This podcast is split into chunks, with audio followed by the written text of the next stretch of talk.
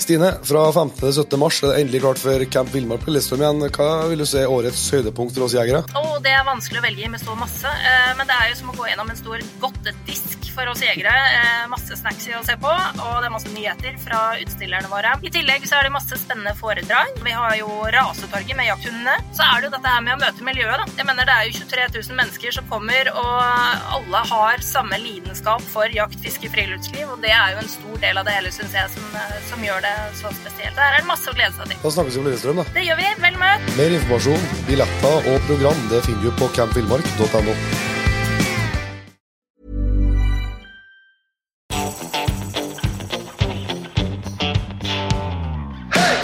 Jegerpodden, en podkast av og for jegere.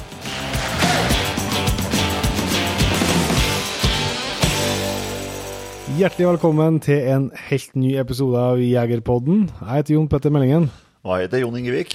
og av en eller annen merkelig grunn Jon Inge seg nå klokka ni minutter over ett på natta. Ja, har det skjedd? Det, du syns ikke det er med innkallinga, sikkert? Nei. Uh, de eh, kjøpte han hjem til de. Ja, det blir artig, sier de. Ja, nei, det ble, langdag i dag. I dag ble det lang dag, ja. Han eh, Ja, det er vel unta frampå at jeg håpa at han skulle tre inn i de voksnes rekker enn Brutus nå. Det har han for alvor gjort, ja. Det koster. Koster, ja. Nei, han laga vel seks og en halv mil og åtte og en halv time lostid i dag, han. Ja. Så var ikke særlig interessert i å bli kobla. Så det, det ble kjent. Ja. jo- Jeg var nå ute rett i det vi skulle ta opp og ha kvelden framfor oss. Så. Men sånn ble det ikke. Men det var greit. Det må jo være litt unntakstilstand når det første vekka her. Ja. Vi, eh, det var litt sånn det går ikke an å planlegge. Nei, det er ikke det. I dag så skal vi jo høre en eh, prat vi har hatt med Elin Hvithusen om eh, fuglehunder og eh, rypejakt. Eh, hun er jo en legende i fuglehundmiljøet, så det kan dere absolutt glede dere til. Men før vi setter i gang med det, så har, må vi jo nesten Vi har nesten ikke uh, prata i lag uh, sist uke. Det hører jo til sjeldenhetene, så vi må jo ta en liten sånn oppdatering på hvordan elgjakta har uh, skredet fram det første, første Ja. lille vekka her. Det har jo vært Det har godt å komme i gang. Ja. Eh, eh, jakta har sju dager sterkt nå, så jeg kjenner at det skal bli jævla godt å legge seg nå etterpå her. Det ser faktisk litt uh, sigen ut. Skal, skal ikke kommentere utseendet til folk, men Det, det hjelper ikke på. Ja. Det brukte hele kvelden på kobbelhund, og så i tillegg så jeg sle- jeg litt med Vi har fylt kvote i år, men det ble greit i ettermiddag. siste sekund. Siste sekund. så det ble en fjelltur for å hente elg eh, på kveldinga her òg, men det ble greit til slutt. Nei, det har vært bra fart, ser jeg. Det har jo fått sett noen bilder. Hvordan eh, har de første dager Vi ble jo et eh, mye triveligere vekka værmessig enn hva jeg hadde frykta, i hvert fall. Ja. Det har Det var litt ruskete eh, først da, men Ja, ellers så kanskje har det vært strålende, rett og slett. Ja, det. Og ganske relativt stabil vind å være Namdalen nå. Ja, det har vært Nå er det bare østavær, da. Ja. Så det er jo et helsike, det òg, selvsagt. Så må jeg bare beklage hvis det er litt hås, men det er fordi jeg drev og ropa på hund hele kvelden.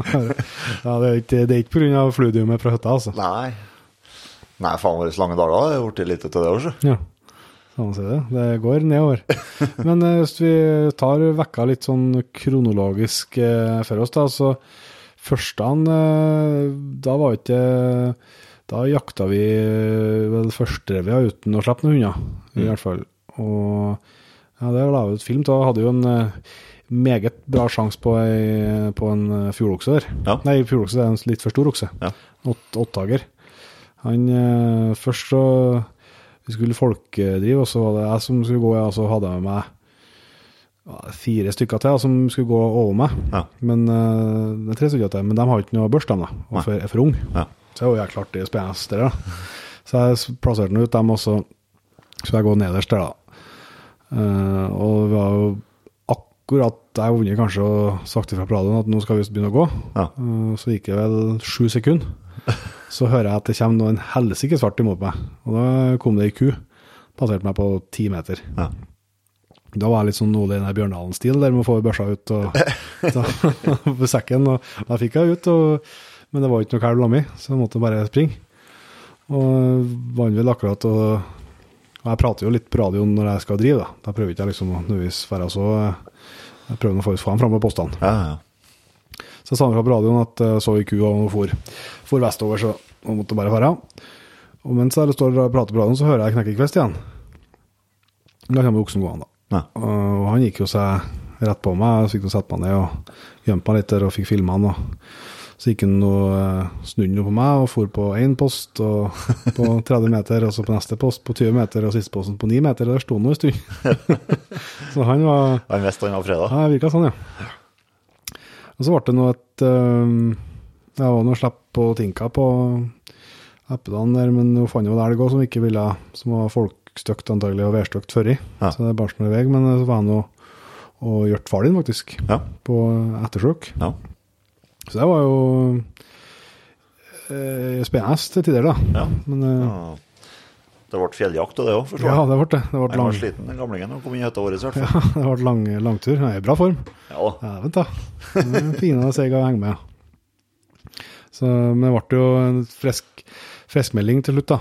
Mm. Uh, han har jo gått og, og spåra og tatt ut elgen i flere omganger Mm. uh, med, med bassetten. Uh, han har ikke funnet noe blod eller noen ting. Så vi var nå bare og, slapp der eh, Jeg tror han var litt stressa for den da, med samme. For eh, Ja, han var jo han, han ringte, og, ringte meg og lurte på om Nei, nå skal han løse den for han, de kom ikke innpå den. Så var jeg, da var jeg inne og sjekka trekkeren og så at du hadde sluppet noe ennå. altså. fant ut at det var noe mye lettere at han ringte på deg, at, eh, ja, at jeg skulle avbryte og ferde opp i. Men da sa han, ja, når du slapp Neko i starten, jeg var ikke helt sikker på det, hund, nei. Nei, nei. men det, det er også Han har jo ekstremt mye mer erfaring med det faren din enn meg. Da. Så jeg skal ikke Men eh, han hadde jo siste plassen de hvis de hadde sporet. De gikk jo dit. Mm. Og da så jeg at Eiko merker på sporet. Mm. Men samtidig så har jeg prøvd å gått spår med han i bånd. Det, det, jeg får ikke Det er ikke så forbaska enkelt. For han første så følger han ikke sporet. Nei. Og så og begynner begynner å bli hett og interessant, så er det jo som å kjøre bil gjennom eh, kjetta. Så det er liksom ikke Så jeg slapp den jo, og så gjorde han seg en, eh, først en liten runde på oversida, fant ikke igjen sporet der. Nei. Og så slo han seg ned, og da fant han jo sporet innspor. Mm.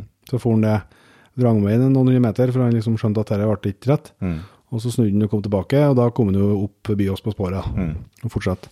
Så gikk det vel en ja, hva søren, jeg, tre og en halv kilometer, tenker jeg. Mm. Og der også ble det uttak, da. Det var, da imponerte han far din. Ja, For da sa han eh, bare, nå ble det uttak, og så gikk det 20 sekunder, så kom først losutslaget på Han så liksom at han sto og ble sånn fiskekrok ja, ja. på, på trekkeren, så jeg så liksom at han sto og fulgte med baksporet sitt. ja.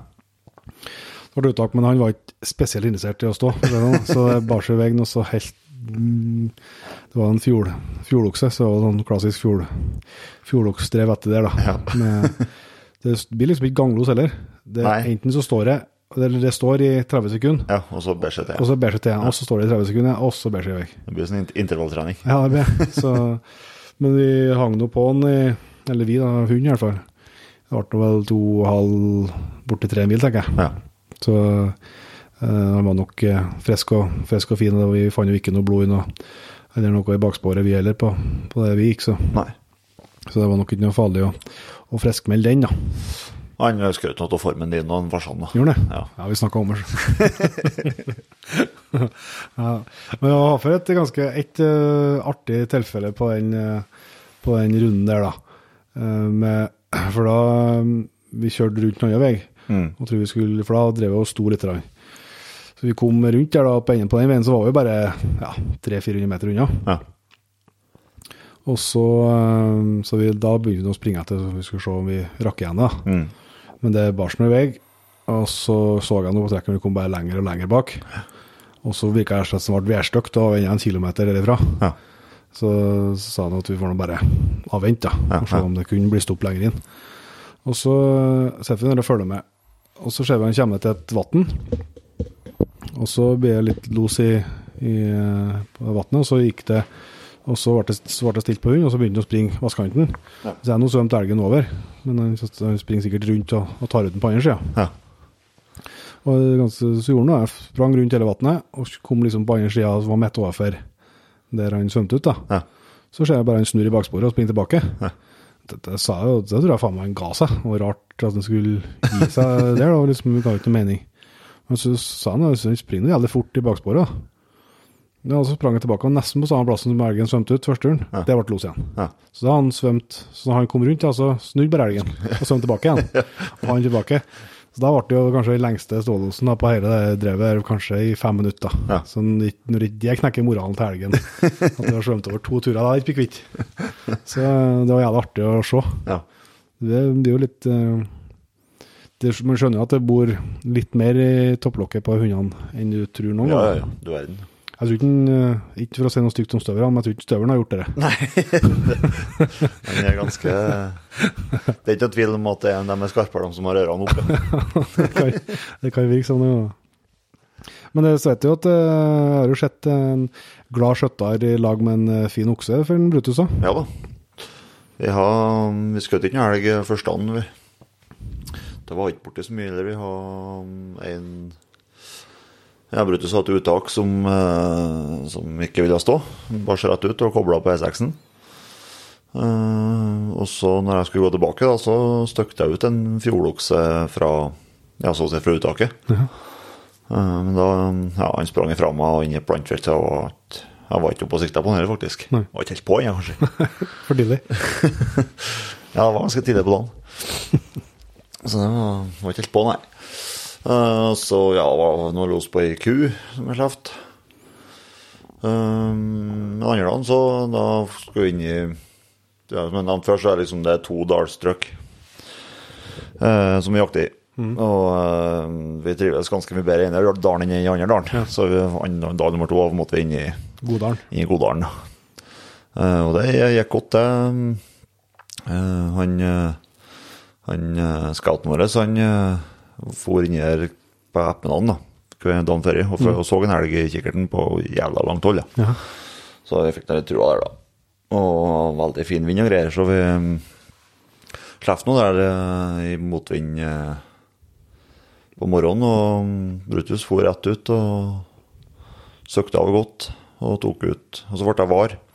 Så for opp i en sånn jævla bratt sånn fjellbjørskli der. Og så syntes jeg det var rart, faen, jeg måtte nå ta ut en elg snart. Og så var jeg oppe og kikka med kikkerten, og så jeg en okse som sto oppi ei myr der. Ja. Og så at han sto Han, liksom, han kom gående ut fra skogen og stilte seg på myra og sto og kikka nedover. Ja. Så var han og kikka på en og så han, ja, det må være den der Brutus går på. Så sola, sola skein oppi håndene på han, òg. Det var litt det var god stemning. Ja. Og så, mens jeg står og kikker på han, så ser jeg en Brutus komme opp på myra fra om han. Ja. Og så stopper han der. Så står de og kikker på hverandre. I det som føles som en evighet. Ja. Det var sikkert eh, ja, halvminutt, minutt, da. Ja. At de bare sto og kikka på hverandre. Og da var ikke los heller. han- sto bare og vurderte situasjonen. For det var et jævlig spratt oppi her. Ja. Hvem er først? Du jeg? Og så ser jeg plutselig oksen hive, hive seg om og fer, da. Ja. Og da, da ble det los. og så gikk det noe Nei, vi skal ikke, vi skal ikke kalle det ganglos, nei. Han var forholdsvis heit. Ja. Så det gikk eh, forholdsvis eh, kjapt nedover da. og eh, Det må man faktisk bare si, da, at alle elgene og alle uttakene vi har hatt, det er ikke én elg som vil opp der. Å, Nei. Nei, alle skal, alle skal ned. Da tror jeg vi måtte dit med noen CVD-test. Ja. Det blir spennende å se. et eller annet rart i år, for alle skulle ned, altså. Så, så han jo heiv seg ned og, og ned i bunnen på dalen, og, og så Og da òg, jeg sto jo så på fjellet, så jeg så fulgte jo med hele turen. Ja.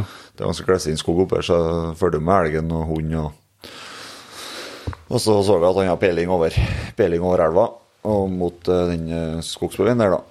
Og der eh, sto en, eh, Martin klar, han. Eh, så så, så ble, jeg, oksen litt bort for meg. Så så jeg hund på, på, eh, ja, på min side av elva. Så jeg skjønte at jeg, antok at oksen svømte over. da. Og så fikk jeg se oksen på andre siden av elva. Ja. Og så sa jeg, var jeg på radioen og sa jeg, Martin, nå er oksen kryssa elva. Og så er jeg oppe med kikkerten igjen og ser på oksen, og da ser jeg bare han klarer klar kollapse. og så hører jeg smellet. så han, han fikk en rep på seg han skjøt den på en timeter. Ja.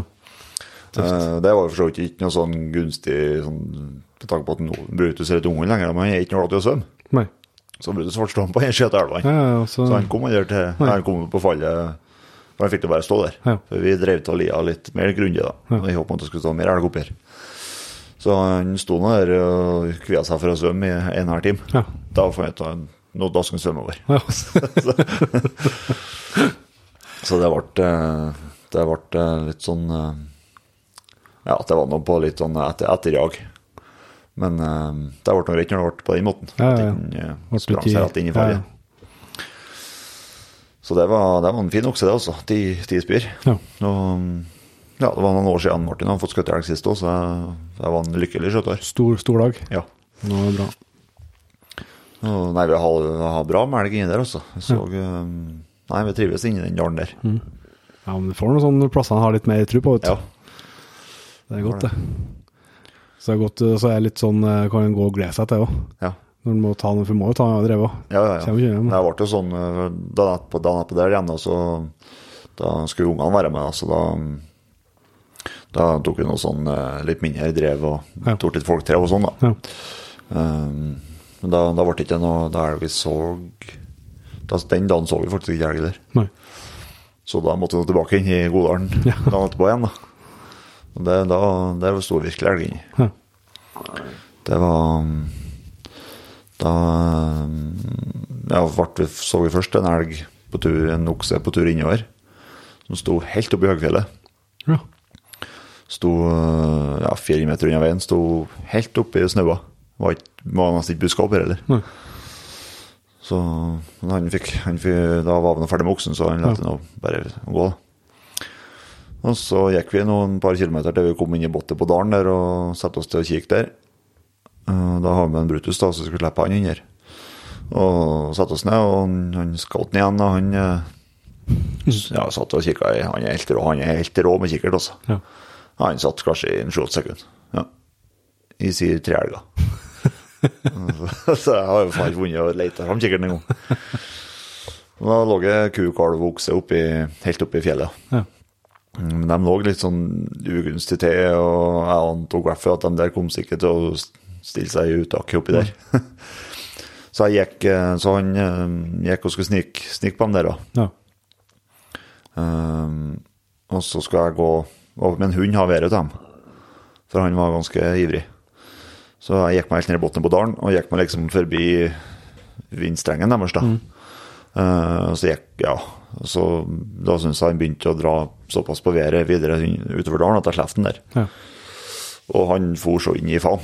Han drog Postene satt tre, ja, to, to og en halv kilometer unna, kanskje. Så han sprang seg rett borti postene uten å finne elg, og så var han innom dem en tur, og så og så begynte han å søke å bra tilbake igjen da, mot meg.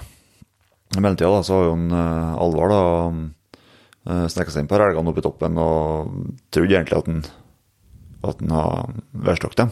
Ja. For han så dem ikke. noe. Og så for, men, men jeg skulle ha fått dem på meg nede i dalen her, da. Ja. Uh, og med samme han er ferdig med å si da, at han tror de allerede er på tur, så tok han en sånn uh, Hudningsdalen-variant. Da bare klikka han kjapt på radioen. Ja. For da har han plutselig rista opp rett fra ommen. Ja. Kua kalven, da, men da sto kalven framom kua. Ja. Så han fikk ikke til å skjøte, og så og oksen lura seg vekk. Um, men da kom jo kua kalven ned, ned dalen da, og ned mot meg. Så jeg skjøt eh, fikk kalven på en, eh, ja, 100 meter nedi sida der. Og Ja. fikk stoppa dem, da. Det var jævla snart, for eh, de kom jo i grei fart. Og så kom de nedi der en Brutus og søkte av. Og kua tverrstoppa og nesten ned bakkene. Og ble skikkelig som var. Ja. Og for bare og snusa og resonnerte liksom terrenget om det er trygt å gå her. Ja. Og så begynte jeg å springe igjen, da, men jeg, fikk, jeg måtte gørte litt på dem for å få dem til å stoppe. da. Men det ble noe litt, jeg fikk et skudd på kalven der. da. Først med nykaliberet. Ja, først hvordan føltes med- det? Jo, det Fungert. Ja, det ble dryget langt bak. så, så det ble dessverre en liten vomsmell, men eh, han, han sto bare og kura. Ja. Så jeg gikk nedover og ga han et skott i hodet til slutt. Ja. Så det ble, ble et fint slakt, ja. Ja. Den, eh, det er liksom, det er ikke artig å skjøte bomma, men uh, bare du får dem i bakkene fort, Ja. så er det liksom bare inn i Ja, ja. bukula det blir, og det, det får han vaska ut og greit, så. Ja. Men den oksen her var en luring. Han sprang rett til fjells. Ja. Så Sist turen vi så han, da, så gikk han helt opp inn i snøskavlene Ja. og lura seg vekk og overom alt som ikke var posta, og Ja. bort var han. Så det, det er ikke rart de blir store. Nei, det er ikke det. Nei, vi hadde jo en eh, andre land har vi jo en, en skikkelig storokse i drevet. Han Vi kom jo riktignok på postene, men det skjer der òg. Så det var drev ble endte opp med å ha ja, en seks-sju elger kanskje i drevet. Ja. Men vi som skulle drive, vi har vunnet bare kommet halvveis opp i lia vi, Ja. fra vi skulle starte. Ja. Når han var borte på postene. Ja. Mens resten kom jo på tur og Ja, ja. ordning eh, senere. Så jeg vet, De sto sikkert ikke i lag alle sammen, men altså, du får jo litt den følelsen. ja, ja at den bare, han bare- setter fart, ja. Kom seg fra. Så da, både lørdag og søndag, så var det så mye folk. Ja. eh, Og mye eh, både unger og, voksne, skal jeg si. Så, Mm. Og skulle ha litt mindre drev, så jeg bryr ikke meg om å slippe noe, noen hunder. For at det skal så mye til at Mm. Og så er det jo ganske effektivt, selvsagt, når det er mye Ja, ja. og det mye poster. Ja, og så er det, det er jo sånn det- Elgjakta, elgstarten er jo en begivenhet. Ja, ja, ja. Det er sånn er det jo, for eh, spesielt i, litt ute i bygda, så vil jeg mange som vil være med på det. det. Så andre gang så skulle vi ta et sånn eh, fint drev, ja. Og så jeg skulle drive eh, øverst Jeg ja, Nei, vi har jo men vi har en par unge lovende skiløpere Ja. Som ikke er gammel nok til å børse. jeg sendte han eh, en som er øverst. Da, så han, han henger ikke med, for å si det sånn. Nei. Så han kom på rulleski oppover dalen der på, på tur til jakt. Vet du, da er det vet du at, det er greit å sende ham øverst. Og så skal jeg drive nest øverst, ja. Og så hadde jeg med meg og, søstera til Milla, så hun var sammen med meg. da. Starta vi på ja, Okst for først, ja. Det gikk ganske fort. Og så gikk vi nå Det er et spesielt område der som eh, Jeg har sett deg der mange ganger. Ja. Eh, Så jeg har liksom litt sånn ekstra på vakt, egentlig, mye å nærme oss der. Men eh, sånn snål opplevelse, vet du. Noe, det er så jævlig sånn seljekjær der, Ja. som går liksom nesten opp på tersen på. Som et sånn hav. Ja. Så, men det er jo noen stier inni her, for de drar jo og går og beiter. Ja. Så vi gikk jo en sånn sti, så det går jo ganske stilt da når du først hvis du klarer å treffe på en sånn. Ja. Så ikke eh, treffer på en sånn, så går du spesielt stilt. da. Når du treffer på en sånn, og begynte å komme gjennom eh, det verste, så er det plutselig sånn Du vet jo hvordan det er når du tror Der står den Du får følelse. Ja, eller der står den jo. Ja, ja. Jeg så den jo. Ja. Men likevel så kom det ikke såpass sent i topplokket som det gjør nå. At jeg skulle egentlig snu meg og si til Johanne at oi, det ser ut som det står en elg. Ja. Eller jeg, skulle, eller jeg tenkte egentlig mer sånn Oi, dæven, det ligner på elg, det jeg skulle si. Ja. Men, så jeg snur meg liksom mot henne, men så greier ikke jeg å si noe.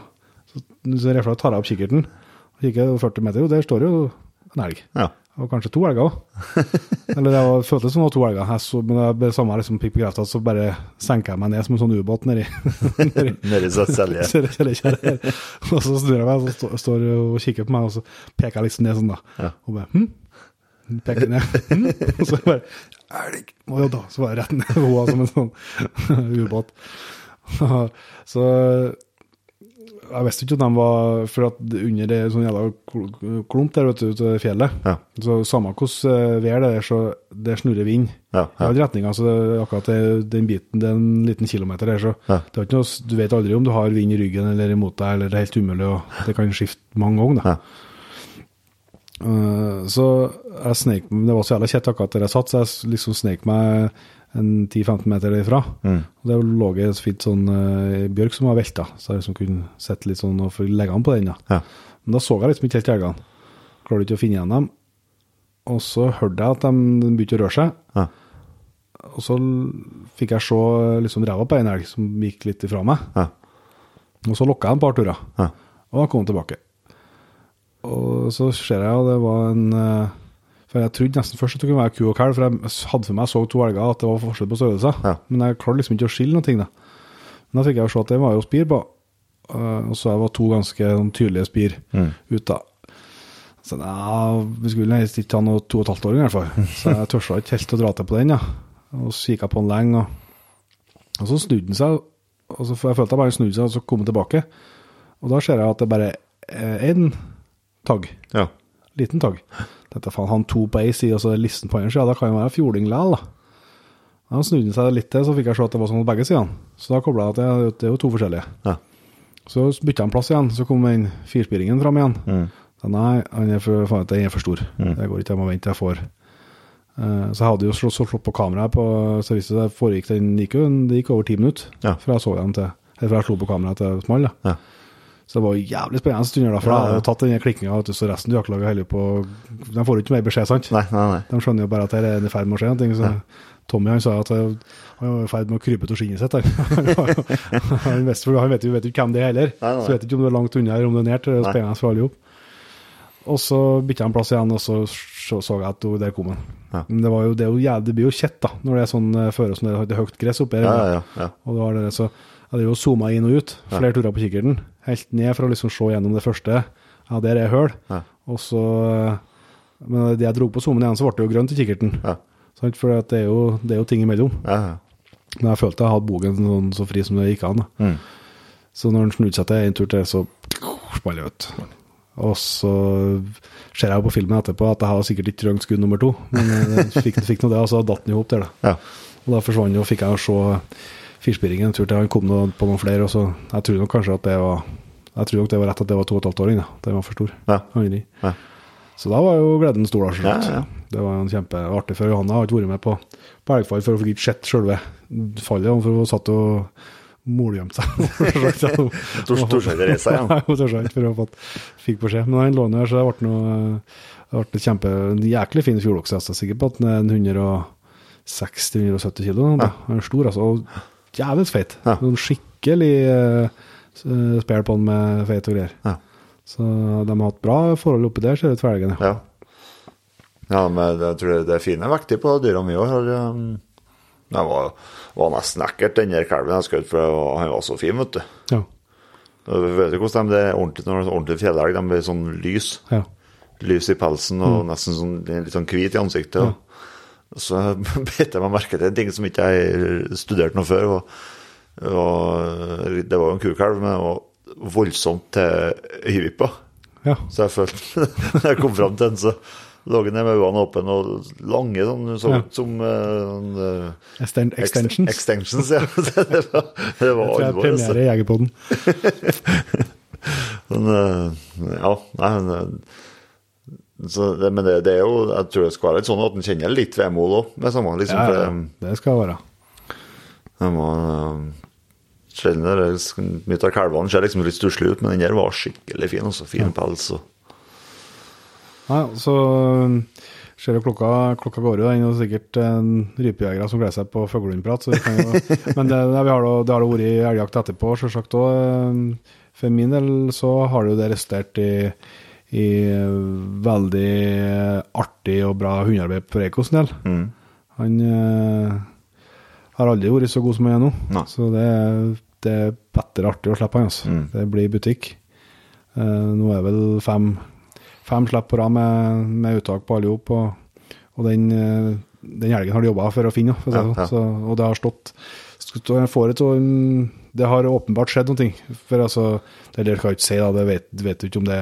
Men uh, tidligere oppi der så har du gjerne måttet bekka litt ut i oktober før i ja. har begynt å vurdert å, å stå noe. Ja. Men nå har han fått alt uh, til å stå, altså. Ja. Så eh, det er jækla glede. Og så for jeg er jo ikke like fornøyd med Tinka. Nei. Der er jeg jo usikker på, eh, på alt, egentlig. Det kan jeg at hun gjør bra arbeid, bare at jeg misforstår henne. så kan jeg at hun bare surrer. Mm.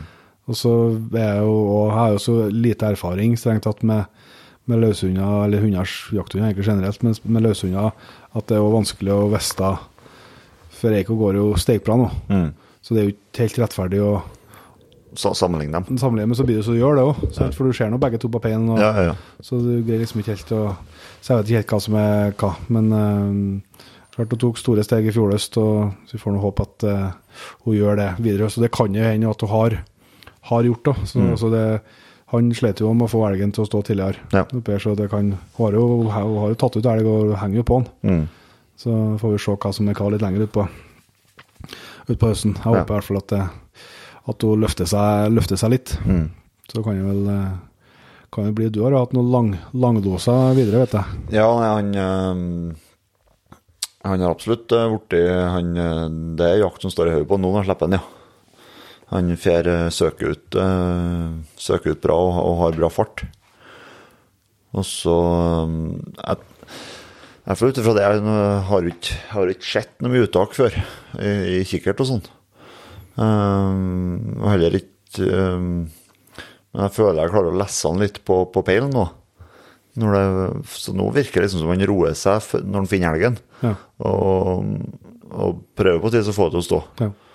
Uh, men så får han total overtenning når de springer, da. Ja, ja. Og da er det jo støvellos i så når du, jeg, jeg tror han på et vis prøver å få ham til å stå, men hvis de ikke vil, da, da ber seg til jo med. Ja.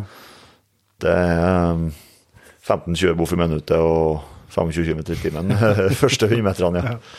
Og det er klart, eh, men eh, bortsett fra det slippet første han, så har han fått alt til å stått, det, Ja. til slutt. For han, eh, han jo etter den kua Fra den kalven jeg skjøt, så for kua ut i Andalen, og når han var i søk på tur tilbake til meg, så Treftes de. så treffes de to. Og det, det ble der kua der må, må, det må være en sørgelig dag og to.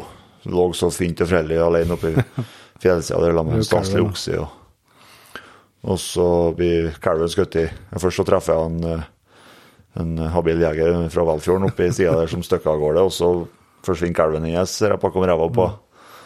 Og så går det ikke lenge, så kommer han hjem til henne og jager og rett ned på E6-en og rett øh, helt ned i bygda. Og blir stående los der. Og så syns vi det er så nær til E6-en, så vi vil prøve å koble den. Og det, men det ble noe mørkt før vi fikk til det. Eh, og da holdt både hund og ku og ble ihjelkjørt Ja. to ganger. Så det måtte jeg trasig starte da med å ligge i solskinnet oppe langt inn i fjellet, og så ende opp med å nesten få en Scania-merke i fronten. ja. Det, det går litt opp og ned når det er elger. Men nei, det har, det har um, Det er godt det med hund også. Det, gjerne, det er én ting som mangler, det er innkalling. Ja. ja, ser klokka begynner å nærme seg to, her, så Ja. smertelig klar over det. Men uh, det går ikke an å få i både pose og sekk, da. Nei da. Nei, det er jo sånn, jeg har jo litt på, nesten på andre viset med, med Eiko. Han har jo eh, en ekstrem eh, trang til samarbeid, for å si det positivt, da. Ja, ja. Og så skjer det når det, hvis det er, Han hadde jo en los kjempearbeid på en, på en bra okse i går, hvilken vi skulle ha. da. Men eh, da Ja, når det har stått etter søren, jeg kanskje har stått i ja, først så han, eh, Jeg vet ikke om de har støkt den første elgen, eller hvordan det hadde seg. I hvert fall så han spåra han jo i sikkert uh, Ja, det må være fire-fem kilometer i hvert fall ja. og svømte over ei ganske bra elv. og Mm. greier for å, og, Men da når det først ble uttak, så sto jeg i uttaket. Eh, den skulle opp, ja.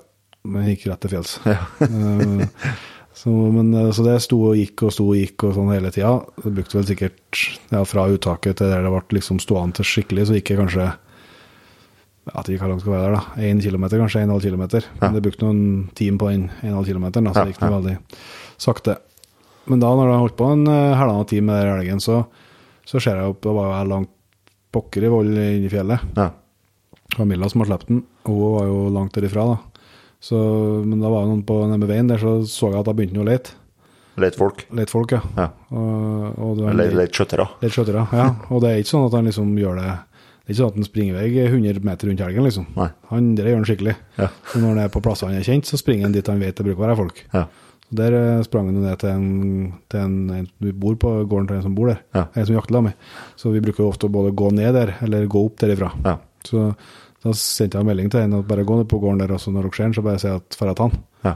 Og det gjorde han jo. Han kom jo dit. Det er jo en kilometer fra elgen. Ja. Og da sprang han opp og fortsatte losen. så, så jeg skulle Og det, og det er, jeg, jeg vet jo, sånn jaktprøvemessig så er det sikkert ikke det noe bra, men sånn jaktlig syns jeg det er helt fantastisk. Ja. For at det har jo gjort at flere elger vi har skutt før, har jo fått det akkurat på viset der. Ja. ja. At det får lov til å være min. Uh, men jeg skulle gjerne holdt kunne gjerne holdt én time til før jeg begynte med lete- leting. ja, ja, ja. Så, så hadde det liksom vært For det er noe at det blir for, tar for lang tid for oss å ja, ja. komme seg hit. Men den elgen der gikk jo bra med, for den sto jo igjen. Men Ja. så kom jeg med ferja. ja. Eh, Så det er jo ikke eh, Du får jo du sier, du får ikke i pose og, pose og sekk. Det er jo ikke Og så er vi først, har du først vært der, lam Ja, ja. så gir han seg aldri. Nei. Det er litt, det begynner å gi seg mørkt, ja. Men eh, så det er jo ikke at det liksom Det virker ikke på meg som at det skorter på jaktlyst. Nei. Det er rett og slett at han er så opptatt av det Så samarbeid, ja. Ja. Ja. At, eh, og så er det samme på der, Jeg Hun holdt på med ei ku på mandag. Hun sto veldig bra. eh, Etter søren jeg sto en par timer, kanskje. Og så ble det stygt på tur inn på losen. Og, men det fortsatte egentlig ganske fin ganglos. Og post, passerte en eh, post der, stod han jækla fint. Men han så at det var ikke skjøtbart, da. Ja. Så sa han jo prøvde at det må bare prøve å kalle inn den. Og da ropte han på han. Han liksom passerte den, da.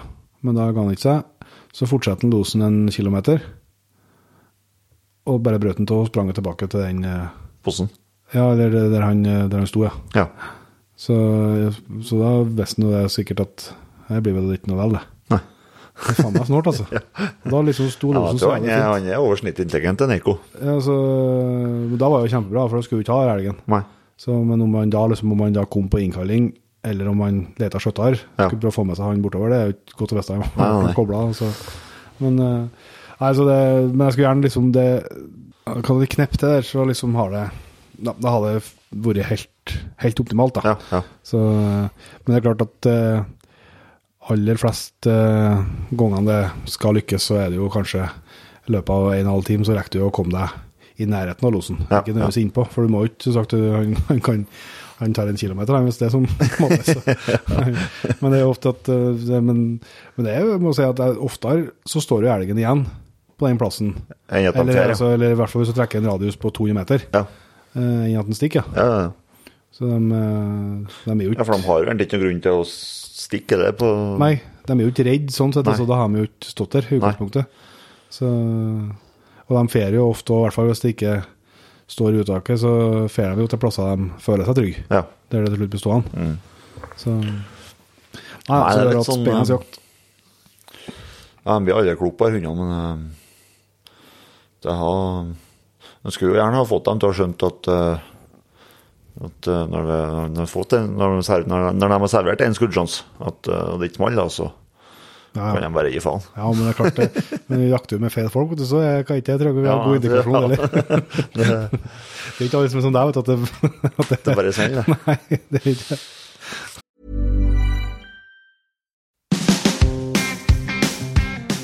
15.-17. mars Stine, så er det endelig klart for eh, Camp Villmark på Lillestrøm igjen. Eh, Hva er de tre tingene du gleder deg mest til? Oh, det er så masse.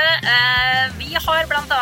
en eh, nysatsing på redesign og bærekraft sammen med Selfmade Brick og Tour og Klima, som blir veldig kult. Du kan komme og lage din egen T-skjorte eller pannebånd helt gratis. Veldig kult. Det kommer også Europas faktisk første innendørs overland-festival. Litt sånn selvmotsigende her, innendørs overland, men det blir veldig, veldig kult. Over 2000 kvadrat med utstilte kjøretøy inn der, med taktelt og alt sammen. Veldig, veldig kult. Så har vi jo de fem største våpenimportørene hos oss. Det er også veldig kult for alle oss eh, jegere. Så masse, masse spennende å se, både på nyhetsfronten og av eh, det vi kjenner fra før. Mer informasjon, billetter og program det finner du på campvillmark.no.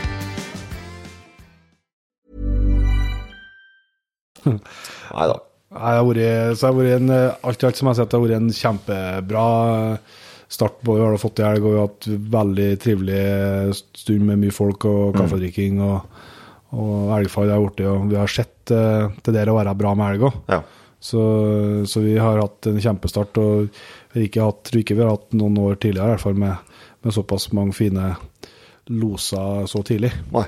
Det lover bra forresten. Det, av høsten. det, altså. Vi er jo tross alt bare altså, just starta. Det, Det beste er jo framme hos oss. Ja, Det er jo å begynne å skrive 1. november. Da er du på det er det fint. Da er du på snakket. Ja. Så det, men skal vi eh, rett og slett uh, slippe til litt uh, fuglehundprat òg? Vi gjør det. Og Elin? Ja. Da har vi gleden av å ønske Elin Hvithusen hjertelig velkommen til Jegerpodden. Takk for det. Takk, takk. Utrolig artig at eh, du hadde lyst til å ta en prat med oss. Ja, det har jeg. Veldig hyggelig, og takk til dere. Du, eh, du er jo et eh, meget kjent navn, spesielt i fuglehundmiljøet, så det skal vi jo komme tilbake til. Men eh, for dem som ikke kjenner deg, kanskje du kan starte med å fortelle litt om deg sjøl? ja, jeg er født i Oslo, bodd mange år i utlandet. Kom tilbake med en irsksetter etter et lite forlis av et ekteskap. Så tok jeg med meg bikkja og kom tilbake til Norge. Men eh, det var ikke noe særlig jakthund, da. Så um, det var jo mange som syntes synd på meg. Jeg måtte jo få meg en ordentlig jakthund. Og eh, da ble jeg kjent med formannen i Norsk irsksetterklubb. Og han lovet å skaffe meg en jakthund i samme farve, da. Og det gjorde han. Og det var liksom begynnelsen. Han syntes vel at jeg var litt søt, og jeg syntes han var flink til å skaffe hund. Og så begynte denne jakthundhistorien til Elin. Ja. Da hadde jeg gjort mye annet rart, som eh, film og masse rart. Jeg hadde egentlig startet med buhund da, da jeg var liten, men han ble jo filmstjerne, og jeg likte å dressere hund, det er nok, det må vi ikke glemme. Jeg er veldig glad i veldresserte hunder. Her nede på eh, i mitt liv så heter jeg um, Dressur-Elin. Folk blir litt redd når de møter meg med en veldig udressert hund. Og så tåler jeg ikke hunder som hopper. Så det, det Hvis du hører det, så stemmer det. Men eh, jeg kom da tilbake med dette store dyret på 38 kilo. Men den ble da byttet ut med en sånn liten en på 16. Og det gikk jo fort og galt, for den tok ikke stand, da. Så den ble gitt bort i bryllupspresang til forskjellige venninner. Som eh, etter hvert ble skilt, og da fikk jeg den i retur, og så ble den en ny bryllupspresang til noen andre. Veldig godt gemytt og trivelig liten racer. Men eh, så, etter at det tredje paret ble skilt, så eh, tenkte jeg nei, nei. Nå hadde jeg jo møtt noen snille mennesker etter hvert. De hadde jo engelsettere alle sammen den gang. Så, um, så sa de vi må, må, vi, vi må hjelpe deg, Elin. Du må ha noe nytt. Du må ha noe som tar stand. Samme farve, bare stående fuglehund. Ikke sånn der løpende greier. Og så, så ble det jo da venner som hadde tatt inn engelsette fra Amerika, da. Han tok og ringte til Amerika. Dette var Fredrik Aalerud. Flink kar, flink med hunder. Han har vært veldig stor hjelp for meg. Så han ringte til Amerika og sa hvor kjøper man sånn brun hund? Brun fuglehund. Og det ble bare én mann. Han var eh, polakk og trengte penger, så han fikk jo mange av mine penger. Og jeg importerte åtte hunder fra han, da. Og det var mer eller mindre vellykket. Det var én som var veldig vellykket, og så var det syv som var veldig lite vellykket. Så det var ikke noe, det var ikke noe lett. Pengene rant ut, og jeg ble mer og mer eh, entusiast. Jeg hadde møtt masse mennesker. De tok meg med på skytebanen, og de tok meg med overalt. Dette skulle jeg greie. vet du. Og jeg var jo ens, enslig kvinne i de fleste steder, da, på hytteturer og skytebaner og gud vet hvor jeg ikke var. Og, men det var moro å være dame, jeg fikk mye hjelp. Så jeg tror faktisk man fikk mer hjelp den gang enn i dag, for i dag er det sånn likestilling på fjellet. Mm, her må man jo greie seg sjæl, har jeg funnet ut nå. Syns ikke synd på deg fordi du er dame lenger, i hvert fall. Så, men um, nei da, det var liksom begynnelsen. Jeg, jeg, har vært sånn litt filmstjerne og litt har vært sånn Jeg vet ikke helt hvor jeg ikke har vært. Jeg har bodd i mange rare land. Og eh, kom tilbake til Norge, heldigvis.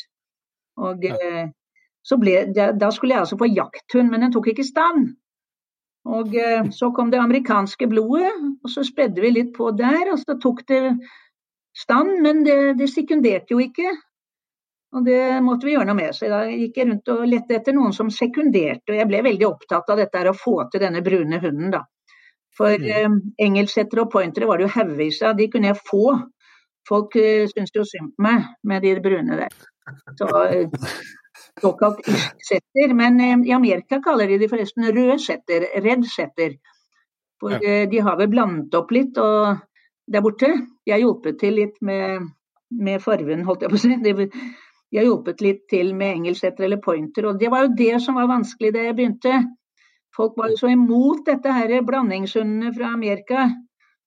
Og så kom det en luring som mente at vi kunne heller pare irsk og engelsetter i Norge. Men da ble det krig, vet du. Da skulle du sett noen av de der kjente gamle irsksetterguruene. Det skulle de ikke ha noe av. De skulle ikke ha amerikansk, og de skulle ikke ha blandingshunder. Det skulle være som det var. Men eh, det var jo ikke så veldig morsomt å gå med en sånn brun hund. Og du ble jo alltid spurt om sekundereren, eller? Og jeg tenkte herregud, hva er det for noe? Ja, hvordan er den på sau, da? Sau? Er det sauer oppe fjellet? Ja, det er jo den som dreper flest sauer. Å, herre det ja.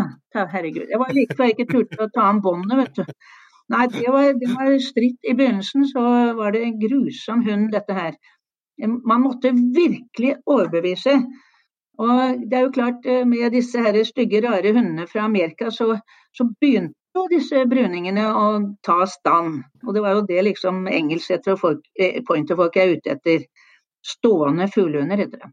Så det var morsomme tider. ja.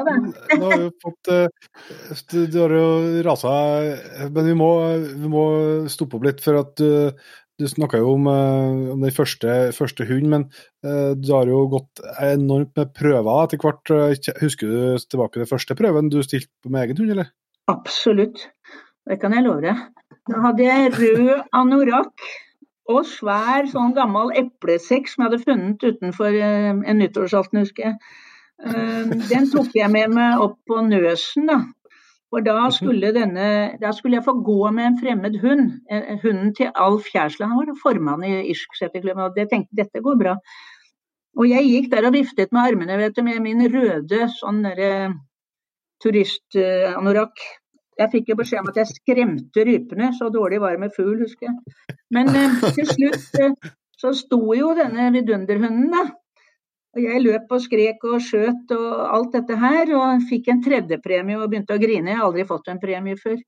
Så jeg syns jo dette var helt toppers. Helt til jeg deltok på premieutdelingen, da, så kom det jo en kar der med silkeskjerf i halsen, og jeg var ikke måte på. Han, han fikk førstepremie. Mhm. Og så tenkte jeg jøsse navn, kan han få første, så greier vel jeg, tenkte jeg. Så fikk han jaggu to førstepremier. Og det er jo selveste Bjørn Vatle, da, som jeg har konkurrert med i noen eh, ca. 40 år. Det er litt morsomt. Det er litt morsomt.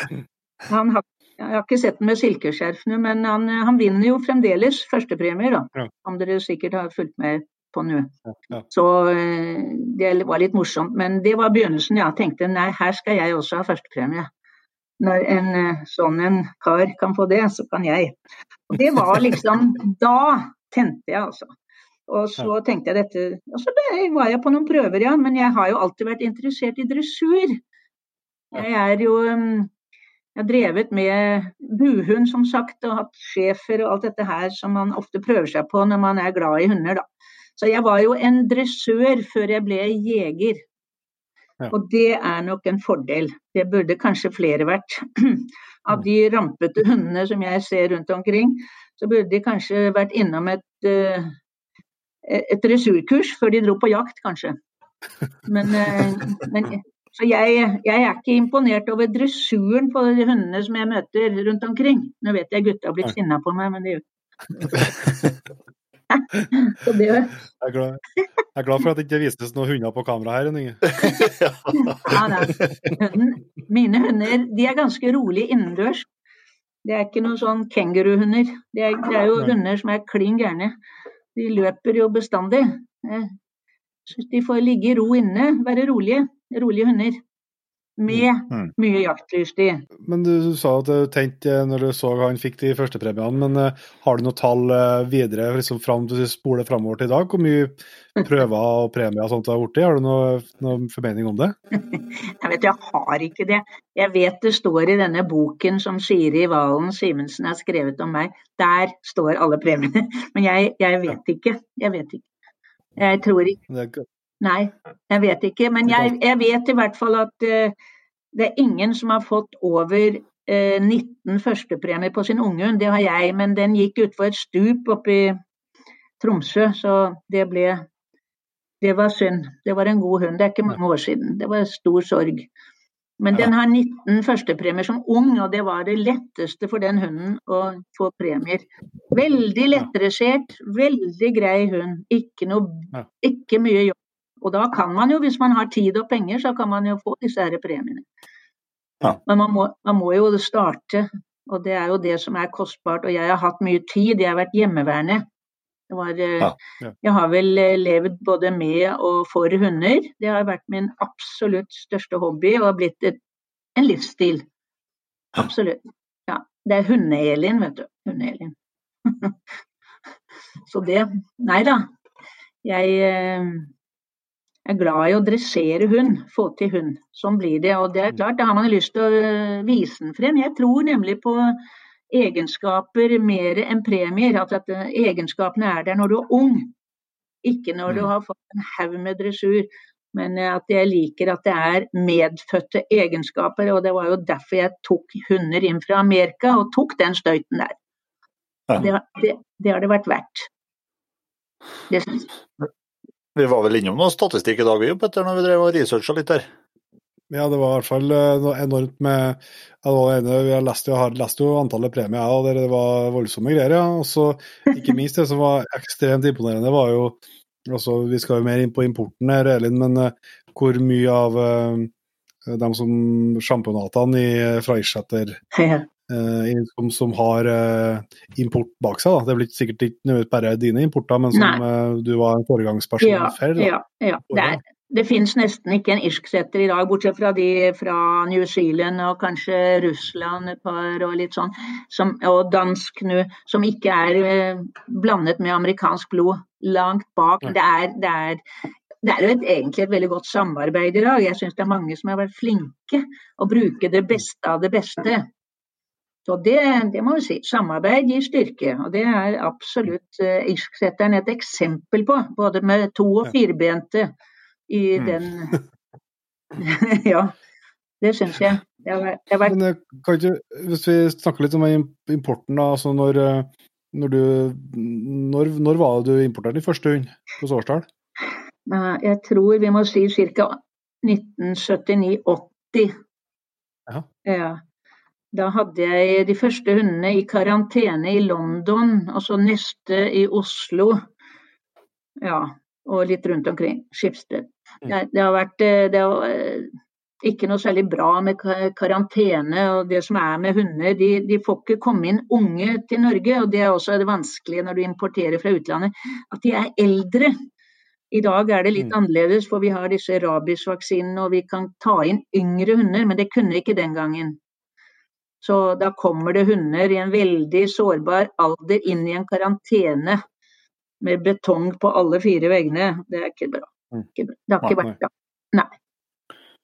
Ikke Hva, hva, hva var det som eh, hva var det som, Hvis du går litt mer detaljert inn på det, hva var det som gjorde at du så behovet for å få til importen? Oi, det er mobbing. Jeg ble mobbet. Jeg, eh, mine, mine venner, mine engelsettervenner og pointervenner, de skulle jo hele tiden gi meg valper, og jeg skulle ikke ha det. Jeg skulle ha den røde hunden. Jeg hadde jo en sånn med meg fra et sånt uh, ekteskap som ikke fungerte. Jeg, jeg var jo glad i den der brune hunden. Jeg hadde hengt meg opp, helt opphengt i det. Men jeg måtte få den til å jakte. Og uh, så det, det har jeg vært Jeg har vært innom. Jeg har hatt en uh, Gordon-setter, jeg har hatt en eh, korthåret forster. Min far hadde jo engelsetter. Han var, jo Mhm. for, han var jo fortvilet da jeg kom hjem med en irsksetter til Norge. Og i det hele tatt gifte seg med en som hadde en irsksetter, det var jo katastrofe. For det var jo bare pointer og engelsetter som var i den tiden der. Det var jo helt, helt ubrukelig. Men så Ja, nei, nei, far var Ja, han likte ikke det. Men eh, kom som sagt hjem med dette 38 kilos beistet, da.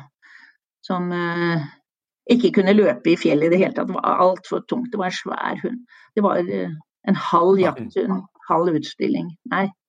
Men jeg, eh, som kanskje mange har forstått, så er jeg ikke så veldig opptatt av utseendet. Jeg er mest eh, jeg er mer opptatt av innmaten, både i mennesker og dyr for øvrig.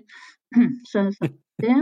Og jeg syns snille, snille mennesker blir penere og penere. Dess snillere de er, dess penere blir de. Og sånn er det med hundene også. Så gemytt, veldig viktig. Det blir en flott hund for meg. En hund med godt gemytt. En som alle liker, en som er trivelig. Det er bra. Det er Mhm. absolutt nummer én i mitt, uh, mitt uh, liv. Det må jeg si. Det var, innpå, det var ikke helt uh det var ikke helt uten diskusjon når du begynte å ta i importer, eller? Nei, det kan jeg love. Det var eh, Nei, det var en sånn persona non grata. Jeg måtte holde meg til de engelsettervennene mine.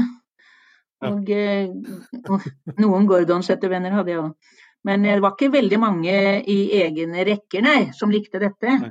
Men så ja, Jeg var jo litt hissig, jeg måtte jo skrive litt, da. i fuglehunden. Og da fikk jeg jo streng beskjed om at slutt å skrive, begynn å vinne. Og det gjorde susen.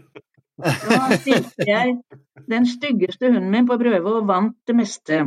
Så, nei da, jeg tuller, han var ikke så stygg. For meg var han ikke stygg. Han var kjempeflink. Det var en av de første irsksetterne som uh, virkelig gjorde rent bord, og som, som, gjorde det bra både vinter og høst på jakt og prøver. Så, ja. Så det var, en, det var en banebryter. American Princess, selvfølgelig måtte hun hete da. Så, så det var sikkert eh, ikke alle som likte det. Men jeg har jo da gjort opp litt da, med å pare inn med både fransk og norsk og sånn, så, jeg, så stygge er de ikke lenger.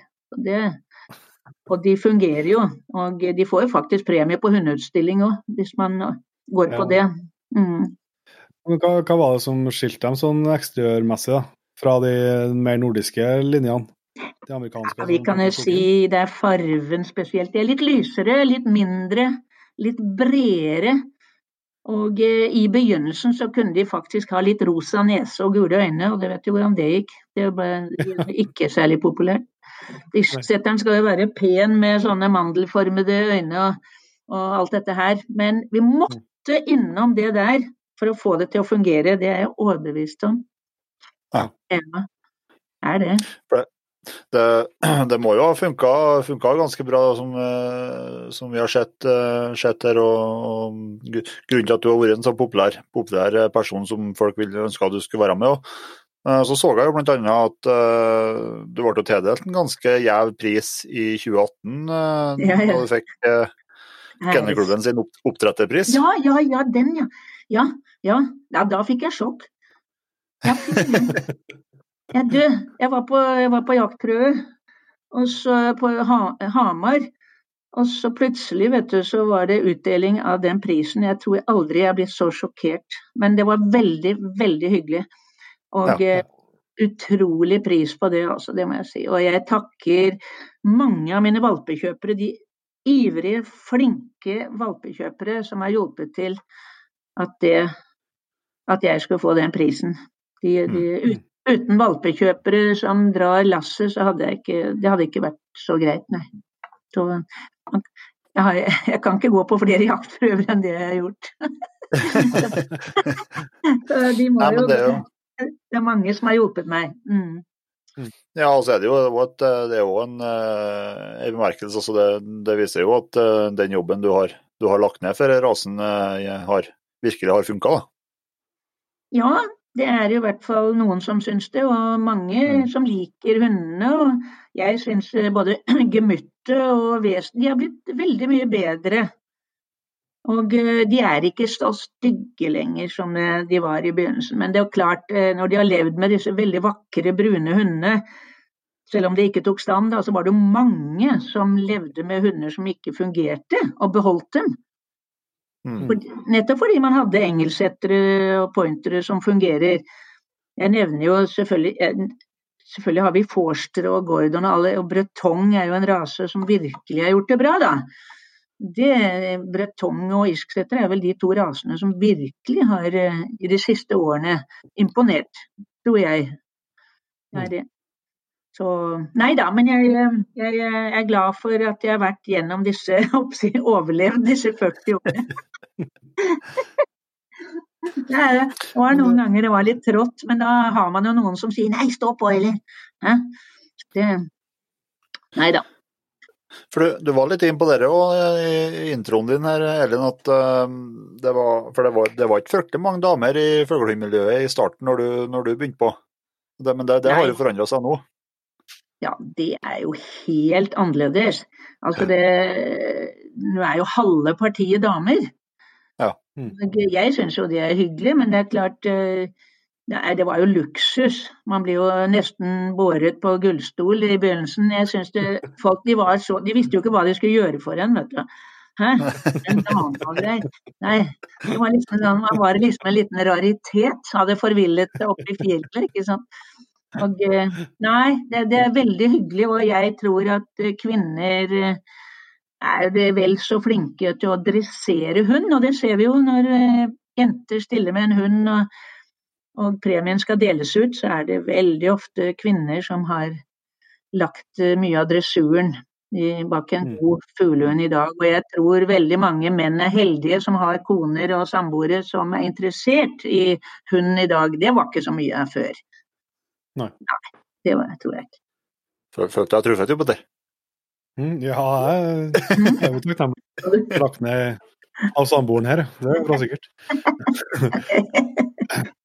Men eh, jeg- var, du har jo ikke bare levd måte, for hund, du har jo fått gjort det til å levebrød, eller? Du har jo holdt på med, med du har, har du drevet liksom hund på fulltid i, i mange år? Ja, du kan jo si jeg har vel vært heldig. Jeg tror ikke man skal være blakk når man driver med oppdrett.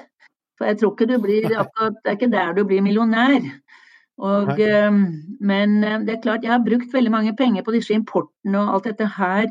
Så at jeg har avlet inn og tjent penger, eller fått inn penger på å selge valper og sånn, ja. Da jeg begynte kostet en valp 4000, da, så det har jo steget litt siden den gang. Men, eh, men eh, jeg tror ikke man blir rik av dette. For du har jo av og til så får du én valp, og neste gang får du tolv kanskje. Mm. Eh, Jeg har gitt bort veldig mange valper til folk som jeg syns er flinke, og som ikke har kanskje hatt veldig god råd. Så har de fått seg en jakthund. Det er blitt eh, trofaste følgere, er det det det heter nå? Og, nei, det er klart, eh, men jeg tror ikke man kan leve. Jeg har betalt eh, liksom regningene mine med kanskje penger jeg har hatt med meg, da. Ja, ja. Jeg tror det. Det er ikke det, Nei, for det, det, er jo ikke, det er jo ganske Det er jo ikke så og så rekker det jo ikke så mange Du rekker ikke så mange kull i året, og men, du har, men du har hatt en del kurs og sånt, eller? Ja, du vet, jeg har eh, Sånn som i dag har jeg et kull eller to. Jeg har ikke hatt noen nå, tror jeg. Men de jeg har eh, gode venner som eh, har vært veldig flinke med sine hunder, som får lov til å registrere de på mitt kennelnavn, altså US. eh, Som da står for amerikanske hunder, ikke sant, fra US. Ja. Ja. Og, um, og da, da blir det mange, da. Da ser det ut som jeg har avlet tusenvis, vet du, men jeg har jo ikke det. Det er jo andre mennesker som eier de valpene, men eh, vi samarbeider. Jeg har et veldig godt samarbeid med flere i dag. Så da kan det jo også bli flere gode hunder, ikke sant. Så, mm. Så- Men tar du stadig inn eh, importer? Eh, finner du det blodet du ønsker i, i Norge og Norden nå, eller? Ja. Jeg tar ikke inn flere, for jeg har tatt inn åtte hunder fra Amerika, og det var syv som ikke var brukende av åtte, så da skjønner du. Så det er ikke noe lett. Det er ingen selvfølge at du, at du får noe godt noe. Det som skjer i- vet du, når du tar inn fra Amerika, da, jeg vet ikke helt, det er sikkert noe av det samme med noen andre land nå, kanskje Italia og disse. De har jo ikke hundene innendørs. Og når du kjøper en hund fra Amerika, som jeg har gjort, så har ikke de vært inne i et hus. De har ikke sett et hus på innsiden. Så det, da skjønner du selv at det, å gå ned i kjelleren og gjøre fra seg, det er jo ikke så farlig. Og så er det ting det, det, Den hører liksom ikke hjemme der. Og når den slipper ut, når, slipper, når du slipper den ut, så syns den at den kan ta seg en tur, ikke sant. Og det var jo liksom det som vi slet med i begynnelsen. at det, de virket jo litt fjerne der de gikk. altså Plutselig var de over alle hauger, ikke sant. Dårlig kontakt. Ja, for dårlig kontakt. Altså, Hvorfor skal de ha kontakt selv om vi fôrer dem? Altså, det er jo ingen i Amerika det er jo ingen i Amerika som har verken klappet dem eller eh, holdt på med dem eller preget dem på det livet som vi ønsker å ha en hund. Vi ønsker jo å ha en eh, familiehund, en hushund. Mm. Ja. Og det må vi prege hundene fra de er små. Vi kan ikke ta inn en hund på ett år som er vokst opp i en garasje eller nede i Italia eller borte i Amerika, og så tro at den har veldig lyst til å gå på tur med oss. Den har lyst til å gå på tur, den. Rett og slett bare Mm. tur. Det er jo litt det kjenner man jo igjen litt fra, fra andre forskjellige jakthundraser og som, som importeres. Eh, Jeg tror jo det er litt at de altså For oss så er det jo en, eh, er jo hundene en del av familien. og, Mm. og, eh, og ja, et, et, kan jeg kalle det noe, et kjæledyr. da. Mens Ja, ja. jeg tror i en del andre land så er det et rent verktøy, rett og slett. Rett og slett. Absolutt. Og det gjør det vanskelig, og det var det, var det vanskelige i begynnelsen. Å få, få oppretta den relasjonen og kontakten. Ja, men det, det, var umulig med flere av dem. Og så kan man jo si hvorfor avler man på det? Jo, vi hadde absolutt noe vi manglet eh, i begynnelsen. Det var, de hadde et meget godt standinstinkt. Mm. Um, du har f.eks. sekundering, du har en voldsom vilje til å jakte. Da. Stamina, altså tæl.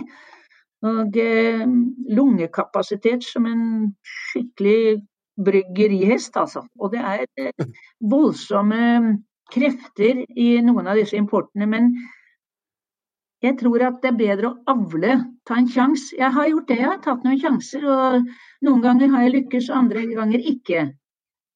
Mm. Det er ikke noe selvfølge bare fordi den kom fra Danmark eller Amerika eller Italia. Det er ingen selvfølge. Det er, eh, jeg mener et Uh, valpekjøperen er vel så viktig, hvis du kaller det det, da. Eieren, da. Lederen. Ja. ja. Det er ikke bare hunden som så. Det har tatt uh, noen generasjoner.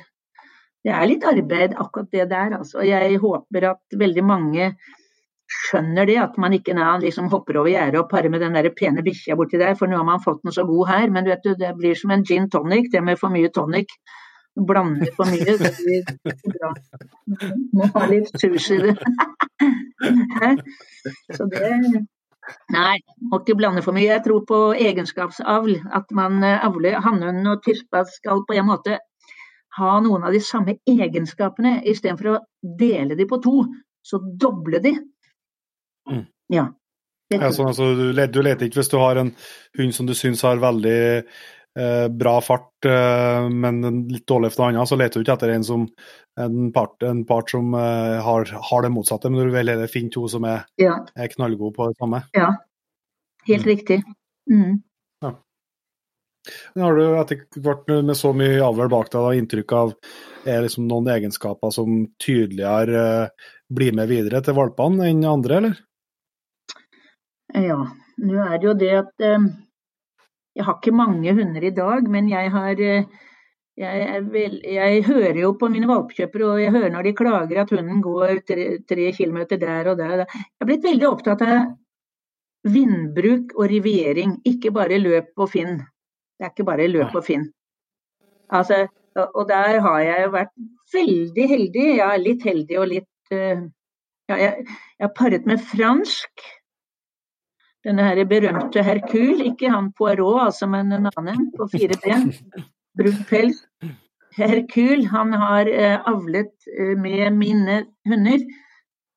Helt fantastisk vindbruk. Riviering. Mm. Mm. Ja. Og jeg, Den skal henge lenge på vind? Ja. Henger på vinden, og det er nesten umulig å gå forbi en fugl med en sånn hund. Mm. Den finner veldig mye fugl. Og denne samme Herkul, da, som ikke er min dessverre, den vinner, har jo vunnet både NM skog og lavland. Altså fasan, rapphøns. Ja. Eh, og det er på en eh, tett riviering, godt vindbruk og god kontakt med fører. Det er fantastisk. Og det skal vi gi den der franske, det franske blodet her. Men jeg mm har vi jo vært heldige, for jeg har en, jeg har en god tispe selv som også rivierer. Så det har doblet noe av de egenskapene jeg setter så høyt. Og det er kontakt. For det er jo noen som sier at nei, nå har han vært ute på fem kilometer, nå må jeg hjem og trene kontakt. Og så tenker jeg hva er det for noe? Trene kontakt. Hæ? Hvor skal jeg trene det, da? I garasjen? Nei. Nei, kontakt er, eh, er et ønske som hunden har inni hodet sitt, etter mitt skjønn. Nå er jo dette min mening, det vet dere. Ja, jeg, det får vi prate med. Jeg snakker om for meg selv. Ja. ja det, jeg mener det er veldig mange nedarvede egenskaper som vi må sette høyere enn premieringer. Og mm. eh, disse her som får premie når de er fem, seks, syv, åtte år, vet du, det er for meg veldig sent. Ja. For det er veldig mye snakk om hvem som holder i tøylene. Det syns jeg ofte. Mm. Ja, for du har, du har, stilt veldig mye i uka, du. Ja.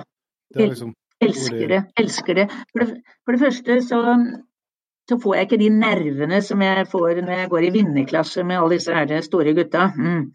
Uh, jeg liker å vise en hund for det den er verdt.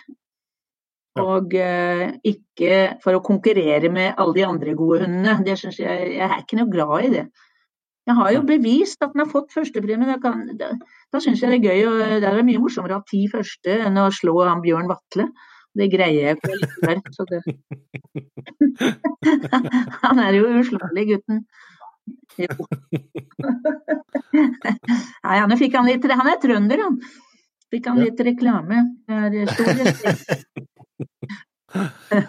Når du du jobba, du har så, vært så opptatt av UK og, og egenskaper unge hunder, hva tenker du om det, det å matche hunder tidlig og sånt?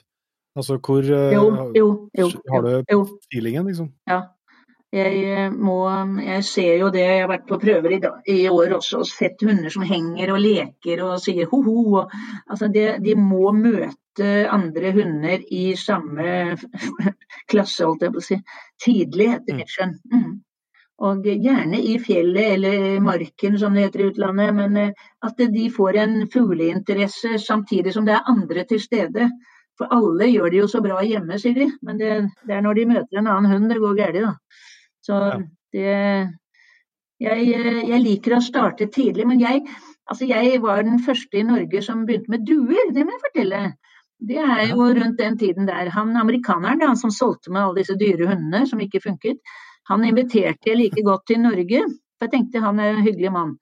Så kommer han til Norge, og så ser han seg litt rundt, og så sier han du, hvor har du duene dine? Duer? Skal vi ha duer òg? Ja, men eh, hvor trener du hundene dine? Ja, der kjører jeg opp på, på, fjellet. Mener du at du må kjøre bil for å trene, vet du? Det, ok. Ja, en uke etter hadde Hvithusen da dueslag, selvfølgelig. Og, eh, ja. og da begynte det der med å trene på utsatt fugl på hva de kaller det. Hva er det du kaller dette for noe sånn derre kunstig fugl, holdt jeg på å si. Nei, men jeg er veldig for det. Ja, altså bør ikke ha så mye apparater og ting og tang, men altså, at du har fugler i hundens verden. Mine hunder er med meg inn i dueslaget i dag. Jeg har dueslag her hvor jeg bor. De er med inn, og de går ikke amok inni der. De får ikke kortslutning av å se noen med hvite vinger.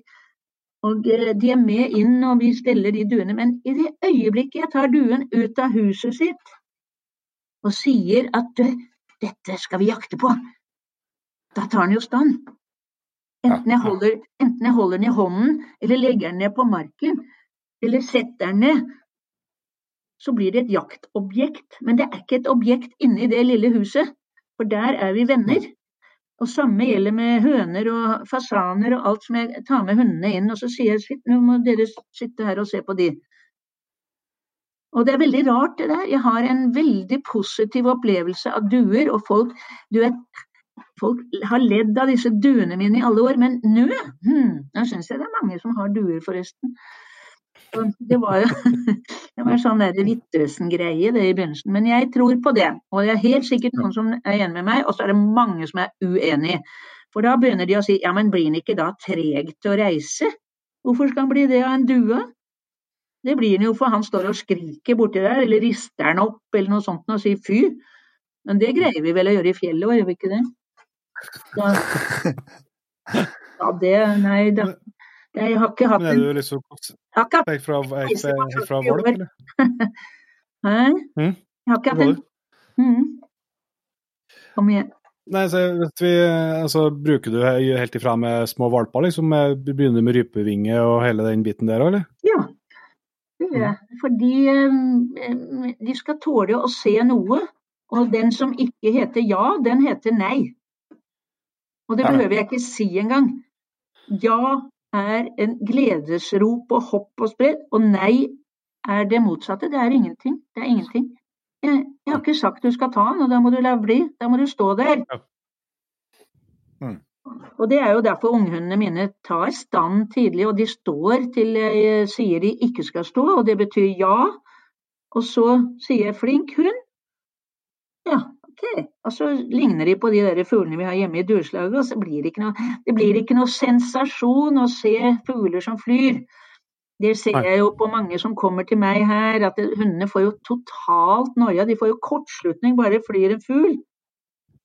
De er ikke vant til det. De må avdramatisere denne flukten. Det er lurt med duer. Jeg skjønner at ikke dere har duer kanskje oppe i Verdalen eller hvor folk bor. Men eh, jo, for det er jo De tåler jo 50 minusgrader, altså hadde det jo gått an. Og eh, det er koselig. Jeg syns det er koselig at de duene er på himmelen her, og det syns hundene òg. De blir helt vant til dem. Ja. En annen ting som jeg synes, eh, du, Når du snakka om det å matche dem tidlig, at de må få, få møte andre hunder. Men hvordan eh, er det da når du driver med innjaging og sånt, er du opptatt av at de skal finne ut det sjøl, eller slipper du lag med mer erfarne hunder, eller hvordan ja. løser du det? Mm, godt spørsmål. I begynnelsen, eller noen hunder har jo ikke den der gledesløpingen, såkalt joyrunning. Så de venter på, at, eh, på, noen instrukser og ser hva som skjer. Og da er det jo ikke så dumt å ha en hund som vet hva han skal. Og den vil jo da dilte uti der. Og eh, når da det kommer en fugl, enten etter en stand eller en støkk eller det kommer en fugl, så tar jeg den gamle hunden inn og så bruker jeg den som trekkhund. Og så lar jeg den unge gå litt. Men så, ja ja, hvis den ikke går, så kan jo den få lov til å bli litt trekkhund, og så lærer den det òg. Ja, mm. der er det jo mange meninger, men jeg trekker jo med mine hunder fra de er veldig, veldig små. Og nå, nå blir det mye motstand her. Men jeg har ennå ikke hatt HD på én hund. Og jeg har trukket med dem alle sammen fra de var veldig unge. Veldig unge. Ja. Ja. Men jeg bytter om litt sånn. Hvis, men nei, jeg har, ikke, jeg, jeg har, ingen hunder som henger De får ikke lov til å være med mange ganger uti der. Men jeg passer faktisk på å gå i motvind. Jeg er veldig sånn motvindtrener, for da slipper hunden å feile så mye. For jeg tror vi i Norge, vi er jo litt sånn cowboy, vi slipper jo bare bikkja. Vi aner jo ikke om det blåser forfra eller bakfra. Og det er jo nesten ikke en kvinne i Norge som vet hva vind er for noe engang. Ha seilbåt for å vite hva vind er. det, men sier jeg, jeg spør hvor blåser det? Jeg blåser ikke herfra, da. Liksom, fordi håret blåser forover. Ikke sant? Ja, det heter medvind. Det heter medvind. Mm. Ja. Nei, jeg går i motvind for at hunden ikke skal få så mye sitt og nei og fy. Jeg, jeg driver ikke og fyer så mye. Hunden skal lære å, gjøre, å lykkes. Ja. Og det prøver jeg så godt jeg kan. Altså, om jeg så skal kjøre bil rundt fjellet, så gjør jeg det for å komme i motvind. Mm. Ja. Godt tips. For, for, altså, for jeg syns det er interessant, det med det å For det, det Alle egentlig syns jeg hundemiljøet jeg snakker med, så er man veldig sånn forsiktig med det å, å bruke erfarne hunder sammen med unge eller med mm. unghunder og, mm. og sånn, for man er redd for at de skal bli for opptatt av det og for lite selvstendig. Men hvis du mm. ser mm. Det er jo sikkert en grunn til at uh, ulvevalpene går uh, sammen med flokken i nesten i to år. Ja, ja, før de uh, må, må, finne ut av hvordan verden funker helt alene. Det er jo sikkert en grunn til det. Mm. Altså, så det virker litt sånn, litt sånn kontraintuitivt at vi ikke skal at, at vi skal kreve at alle hundene skal knekke alle kodene sjøl. Jeg er helt enig. Det går jo mye fortere òg, da. Veldig mye fortere hvis en hund på seks måneder har forstått at det finnes rype oppe i fjellet, f.eks enn at den skal gå i bånn helt til liksom eh, til, det, til, liksom alt skal skje på en eller annen dag med godt vær og alt er godt tilrettelagt og rypene er så snille. De er ikke snille, vet du. Må, hundene må lære seg å være litt forsiktige når det lukter fugl. Mm. Og det lærer de jo, hvis de får ros eller ris. Ja, det, det ordet det er ros og ris. Jeg kremter litt og sier nei, det der var støkk må du skjerpe deg. Litt langsommere fart, f.eks. Ikke det så grusomme farten. Det er, det er, veldig mange som begynner med veldig stort søk og veldig høy fart før hunden har tatt stand. ja. ja. Jeg, det, blir ikke, mye fugl i, fugl i sekken? Da. Nei, men du vet når hunden er seks måneder og um, da har den ikke den farten, den har ikke den aksjonsradiusen. og Derfor liker jeg å jobbe med de unge hundene. fordi at jeg er, jeg når, jeg når den. Jeg får fatt i den. Ja. Den er ikke ute på trekilometeren. Og, og, og, da kunne lykkes med en hund sånn, mellom seks og tolv måneder, det er jo helt fantastisk. Mm. Men det krever jo at den har respekt for deg, at du drar til fjells og ja. Mm. Hvor, jeg syns det. Eh, ja. Hva er den yngste hunden du har stilt i, i uka?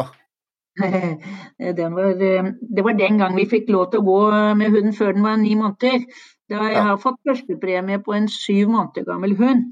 Det var morsomt, men det var den gang det var rype bak alle busker og trær. da. Det er jo ikke det lenger. Jeg har opplevd det at eh, på jaktprøve, når man går på blandingsparti, og så starter man jo med unghund først, og så de eldre etterpå. og Da har de snudd på lista og tatt de eldre først, så vi kunne kvitte oss med de. Så de røk jo ut ved første rype, ikke sant. Ja. Alle, alle, de voksne hundene jagde jo rype, og så kunne vi ha det gøy i unghund etterpå. Og den tiden der, hvor det var så mye ryper, både på Kongsvoll og Dovrefjell og Rjukan og overalt hvor jeg ferdes mye, så var det jo så mye fugl. Men i dag så må du jo løpe deg halvt i hjel for å finne denne rypa.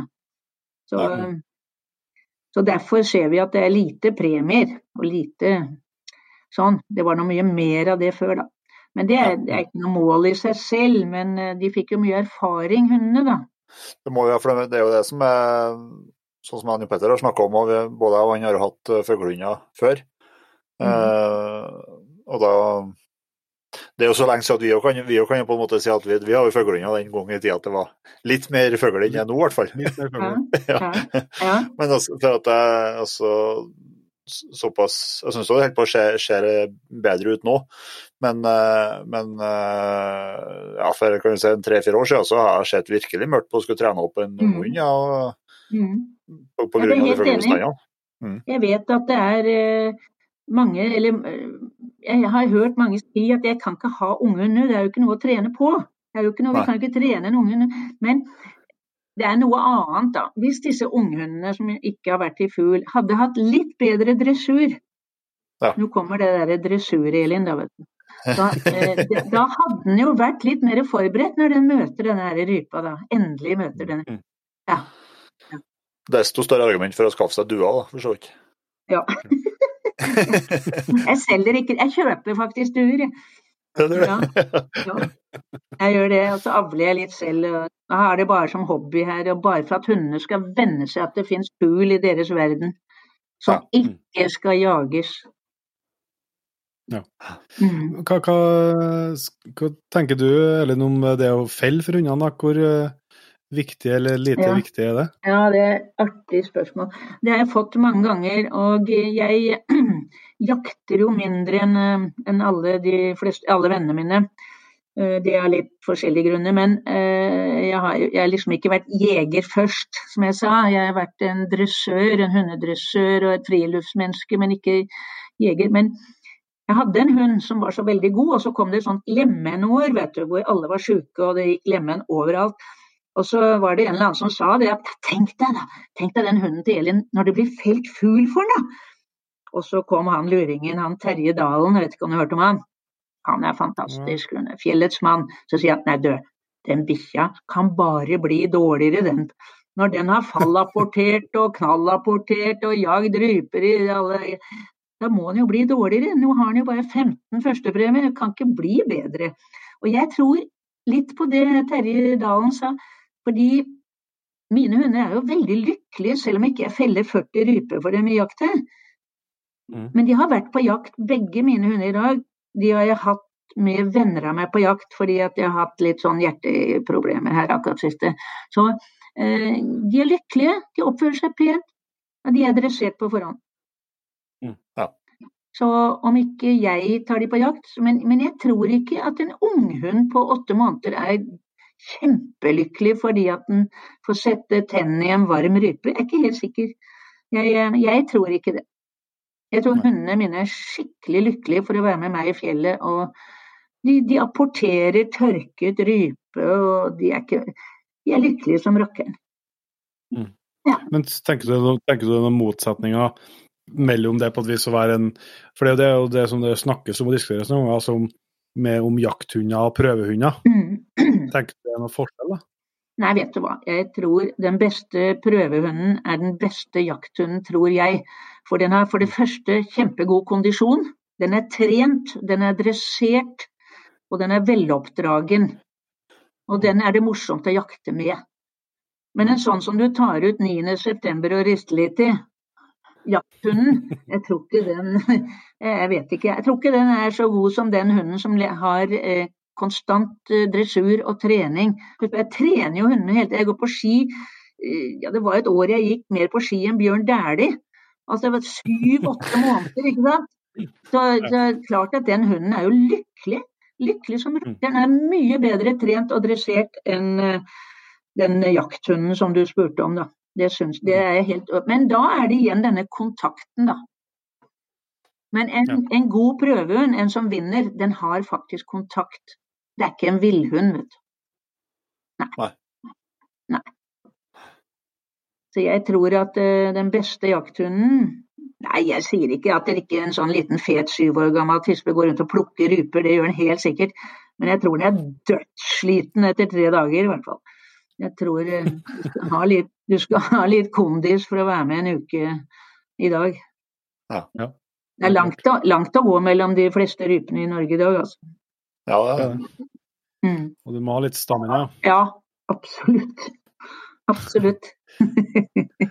ja. Så etter å ha hatt så mye hund og sett så mye hund som du har gjort, har du, noe, har du i dag et, eh, et klart bilde av den optimale hund? Ja.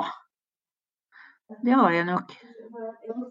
Jeg blir, jeg blir nesten lei meg. Jeg blir irritert når en hund som har skikkelig dårlig gemytt og ikke kan være eh, innendørs, må bare henge, eh, løpe på vegger og bite i møbler og ødelegge At denne hunden går til topps på jaktprøve og sånn, det syns jeg nesten er urimelig.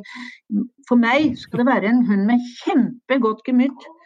Den skal ikke ha for mange sånne negativer, som jeg sier til deg. Den skal ikke spise opp huset. Den skal i hvert fall ikke spise barn. Og du skal ha et utrolig godt gemytt. Altså med rolig i hodet. Ligge under bordet når du har gjester i Ja, ja hvis du tillater det, da. Det gjør jeg. Får se. Ja, det ligger. ligger under bordet. Altså, den sitter ikke oppi huet på meg, den slår meg ikke hele tiden. Altså, den skal ikke hele tiden gjøre det den vil. Den skal gjøre det jeg vil.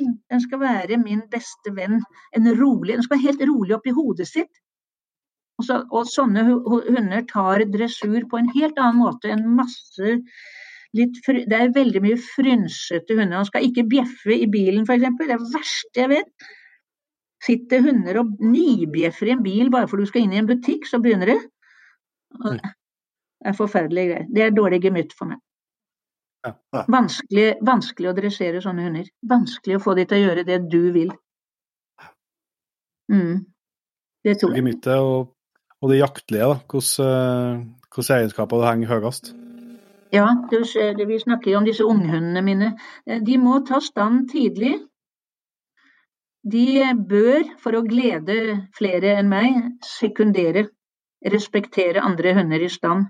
Det skal være en nedarvet genetisk egenskap, ikke, ikke masse juling og risting og greier og fløyting. Den skal sekundere, den skal respektere. Dette er en uh, god egenskap i dyreverden. Og det er ikke bare hunder som skal sekundere, det skal både løver og tigre og alt, ellers hadde de sultet i hjel. Så ja, de skal stå tidlig og samarbeide, de skal være lydhøre og skal kunne la seg snakke til. Ikke, de må ikke ha så mye juling. De må, de må liksom respektere eieren, føreren. Mm. Ja. Jeg pleier å si til hundene mine ja, nå har jeg kjøpt den dyreste bilen, jeg har den største senga, og det er ikke måte på sofaer til mange tusen kroner. Og dette er til mine hunder og meg. Vi bor alene. skjønner. Og da skal du sitte og komme, altså. Det er det minimum for å være med på det der. Nei, det blir litt sånn eh, Ja, det er give and take. Ja. Mhm. Men du ser jo at du er veldig altså at du utgangspunktet var hunddressør, og at du og fortsatt er veldig opptatt av dressuren. Ja. Eh, Men det har jo skjedd ganske i hvert fall, altså Nå har ikke jeg den samme innsikten som deg, så du får gjerne arrestere meg, men jeg opplever at det har skjedd ganske mye på dressursida siden du starta med fuglehund og fram til i dag. Og det har i hvert fall kommet mange flere eh, måter å gjøre det på, mange forskjellige greiner av, av dressur mot det samme målet. Med, med altså, klikker og det er Nei, nei, nei, nei. Den der skjønner jeg. Den skjønner jeg. Nei, jeg, eh, jeg dresserer mindre og mindre, faktisk. Men jeg er blitt mer og mer eh, dominant. Det er meg som bestemmer her. Ja. Det er meg som betaler moroa. Det er min tid. Det er mine Det er meg som styrer. Jeg, jeg, behøver ikke gå rundt i ring med hunden i bånd lenger. Jeg kan gå med en løs, jeg kan snakke med en, jeg kan ta nappen litt i øret og si æ, men, men, ikke noe sånn eh, åtte dressurkurs, og så er han like ulydig. Det er jo nok av. Hæ? Ja. Men hvordan, hvordan etablerer du altså, Det er en ting for deg som har hatt så mye hund, men for, eh, for dem som er mer fersk, da, hvordan, hvordan klarer du å etablere den respekten og lederskapet i mm. utgangspunktet? Ja, ja, jeg, jeg, jukser litt i begynnelsen.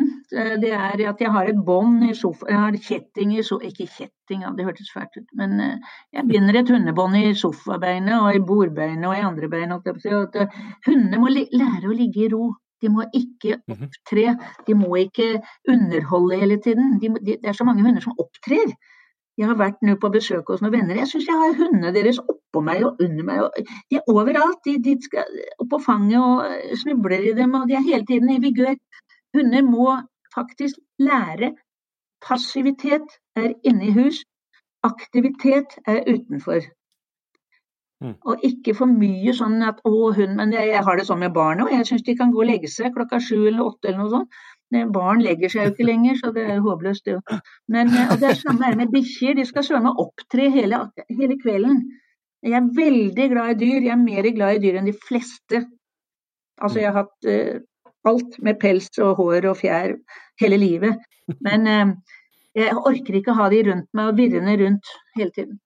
Det, folk, og det tror jeg er så ødeleggende for resultatet av en jakthund, at den er den er vant til å gjøre hva den vil, ikke hva sjefen vil. Og hvis vi ser oss litt om og leser litt i eh, blader og sånn, så finnes det veldig flinke mennesker, dyktige mennesker, eh, som kan ha flere løse hunder gående bak. Og så har vi resten som ikke greier å gå med én hund i bånd. ikke sant? 'Å, den trekker sånn, og jeg er så sliten i armen', og det er ikke måte på. Altså, vi har, vi, er, eh, vi har ikke godt nok lederskap på hundene våre. Og jeg, jeg sier det, jeg dresjerer mindre og mindre. Mindre for hver dag. Jeg bare knurrer og kremter og kom her og? Bare det, bare, Jeg vet jo det at nybegynnere, da, de, de, lurer liksom på hvordan skal vi gå fra kjøkkenet til bilen? Hvor er båndet? Jeg aner ikke hvor båndet mitt er engang. Jeg sier bare at vi går her, til bilen. Og den hopper vi inn i, for nå skal vi ut og kjøre. Det er ingen som spør den hunden. Den skal ut og oppleve noe hyggelig. Det er mm. samarbeid. Vi samarbeider. Vi har et, jeg har et veldig godt forhold til mine hunder. Jeg er veldig glad i hunder. Og, mm. Du bruker liksom den her, du etablerer liksom den respekten og det, den plattformen du bruker videre gjennom det, ja, det å lære dem å være i ro. Og, ja. Mm. Det, det, er helt ifra med, helt ifra med valp, liksom? Ja. ja. Jeg gjør det. Hvis vi ja, hvis vi tar litt om, om valpen, og det er mange som er interessert i, eller det vet jeg, altså, men eh, og Du har helt sikkert fått spørsmålet før òg, men eh, når, eh, nå har du jo kanskje du er litt spesiell situasjon nå, men hvis du skal komme med tips til, til potensielle valpekjøpere, skal jeg si, hva, hva, bør de lete etter først, kanskje når de skal lete kullet? Mm, hva, er det, ja. hva er det du vil se etter? Ja, Du mener de skal kjøpe valp? Ja, plukke en valp ifra, ifra en mm. valpekasse. Mm. Nå, er det, nå er det ikke kjøpers marked lenger, så de har ikke noe stort valg. Det er nesten ikke mulig å få kjøpt valp i dag. Men eh, jeg ville jo sett mer på moren til kullet enn jeg ville sett på valpen, i hvert fall. Mm, ja. ja. Jeg ville undersøkt, og hvis, jeg, hvis, den bor i Alta, så får jeg bruke noen venner av meg som bor der, og stikke bort og se litt på den hunden, hvordan hun behandler valpene sine hvordan hun er i hodet sitt. Hode, hode. Ja. Mm, mm. Jeg, jeg, eh, tror at uh, Ja, det er jo nedarvede egenskaper. Nå, nå, har jo jeg bare tisper. Så jeg setter stor pris på da moren til valpene, fordi jeg vet at denne morsarven den, den, den, går egentlig fra mor til tispevalp, og ikke fra mor til hannhundvalp. Det er veldig ofte at mors egenskaper nedarves til bare tispene.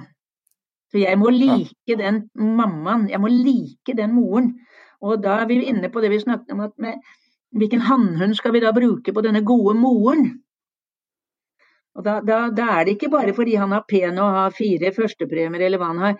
Det, han må ha noe av de egenskapene der. Denne gode, rolige, gode, støe hunden. Ja. Mm. For eh, den valpen skal bli sånn. Jeg skal ikke ha den som hopper først over kassa og den som sitter og skjelver. Det, er ikke- det er ikke sånn jeg Nei, nei. Nei, nei. nei. Eh, Men det- mm. Er det, er det mener du at det er likeens andre veien nå, at, eh, at uh, hannhundene i, i et kull avler er, eh, får mer egenskapene fra faren? Ja, det tror jeg. Jeg tror det. Jeg er ikke dyrlege eller genetiker, men jeg tror det. Ja. Mm. Det, det ser jeg litt. Nå er det litt, litt sånn med mennesker òg, er det ikke det? At hvis vi ligner på moren vår, så er vi litt som henne, er vi ikke det? Og hvis vi ligner på faren min, så har, får du store hender og store tær og sånn, ikke sant. Han, og da skjønner du, jeg ligner litt på faren min, ikke sant. Stor nese, store hender. Så jeg, der er det sviktet litt det der med morsarven, dessverre. Ja, ingen regel uten unntak. Nei, akkurat. Helt riktig. Nei da. Det er veldig vanskelig det der med valp. Eh, Jeg må jo si at eh, hvis man har små barn, Ja. så, så vil jeg ikke velge den villeste, selv om den er den søteste. Den minste, søteste, villeste, gærneste valpen bør du ikke ha når du har tre små barn. Da må man ha en som sitter og tenker litt, tror jeg, kanskje. Ja. Men det er, ja.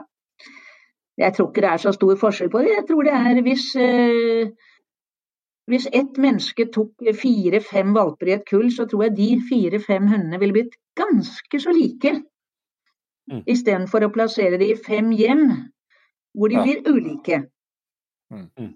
Jeg tror de er genetisk ganske like der og da. Jeg tror ikke det er flaks at jeg får en hund. Jeg har ennå ikke, ja, bank i bordet, eh, ennå ikke hatt en hund med hofteleddsdysplasi, og det har jeg holdt på i 40 år. Mm. Og det er ikke flaks. Det er eh, jo kanskje litt flaks, men det er også livsstil. Altså hvordan jeg de, de blir sterke som små.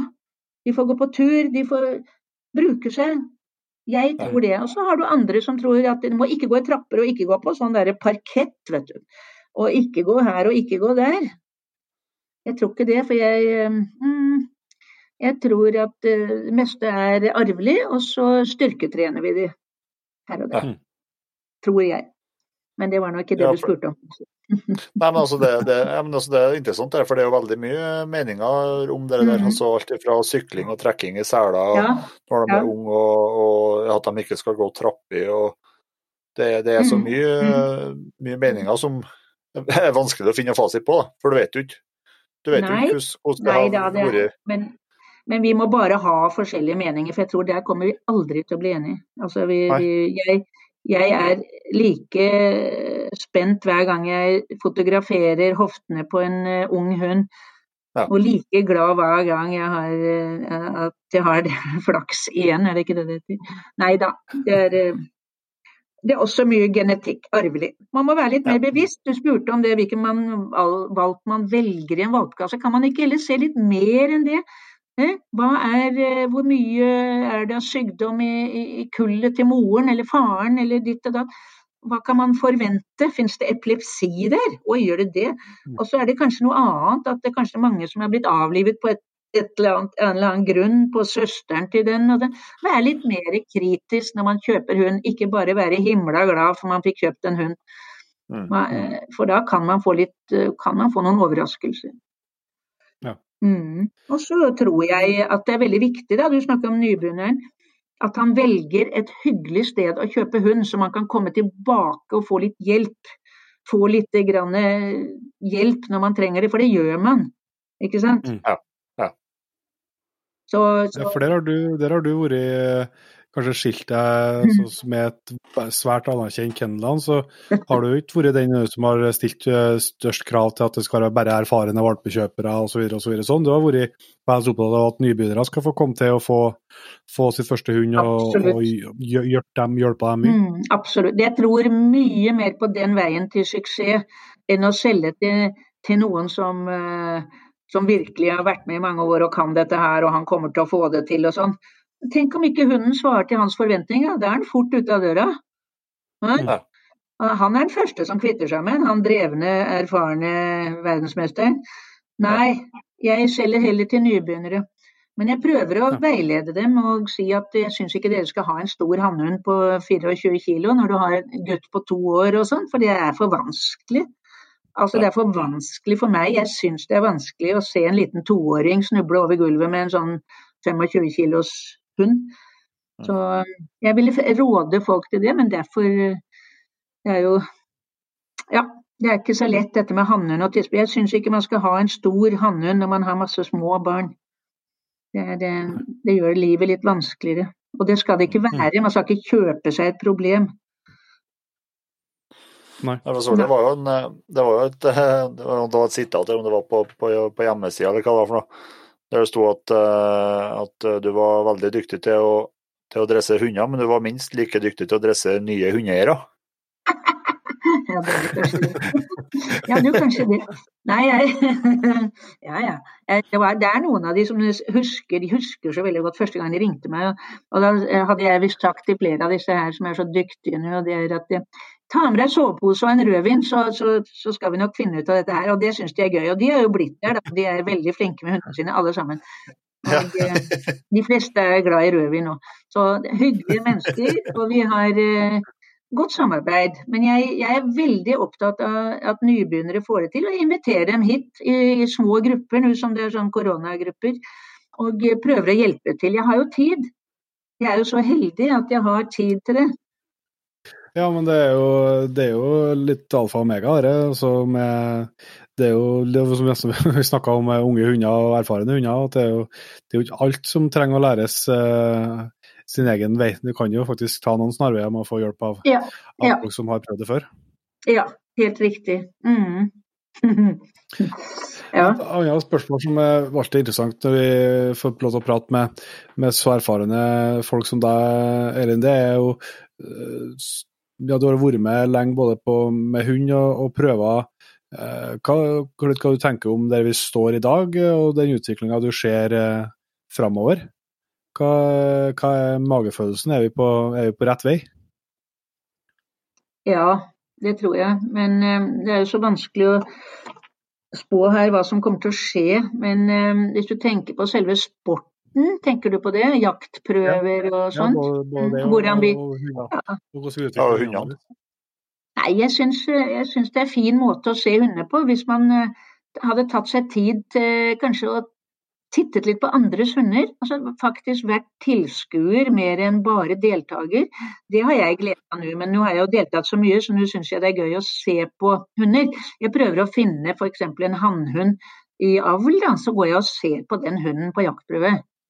Så tenker jeg hm, ja, den var kanskje ikke som jeg hadde hørt. Nei, kanskje den var enda bedre. Ja, kanskje. Jeg har se litt på andre. Men ellers så syns jeg kanskje at prøvene våre er blitt veldig store og at det er liten tid, og det er lite ryper og få sjanser. Så jeg eh, Men det er vel kanskje her nede i Syd-Norge eller på Dovrefjell og sånne store, store jaktprøver som skremmer kanskje nybegynnere. Så jeg tror jeg ville anbefale en nybegynner i hvert fall å stille på en litt mindre prøve enn disse gigantprøvene. Jeg var på en hyggelig prøve som heter f.eks. Bygdin. Folk vet jo knapt hvor Bygdin er og på Valdresflyet og på Beitostølen har de hørt om, det. men der var det hyggelig. vet du. Alle er hyggelige. Alle er hyggelige. Det er, det er så masse hyggelige steder å være med på hund. Men jeg syns noe jeg savner, det er dette som vi hadde håper, i gamle dager, det må man kunne si. Det er anleggsprøver. Anlegg. Der hvor du ikke får første, annen, tredjepremie, men du får masse gode råd og har en hyggelig dag. Og du har da en godslig sånn gammel dommer som kanskje ikke orker å gå i ti timer, men han, han brukes da til nybegynnere og forteller at eh, kanskje ikke hunden din er helt moden ennå, men den, den, vil gjerne leke litt og sånn. Men eh, få noen gode råd på veien og ha en hyggelig dag i fjellet, og kanskje, kanskje trene mer enn å starte. Det ser jeg at mange blir i dag skuffet skuffet. Hunden fant ikke noe fugl. Nei, den gjorde ikke det. Uh, men jeg tror altså For å slippe disse skuffelsene og, og, fylle opp en masse partier. Fylle opp fjellet og ventelister og alt dette her.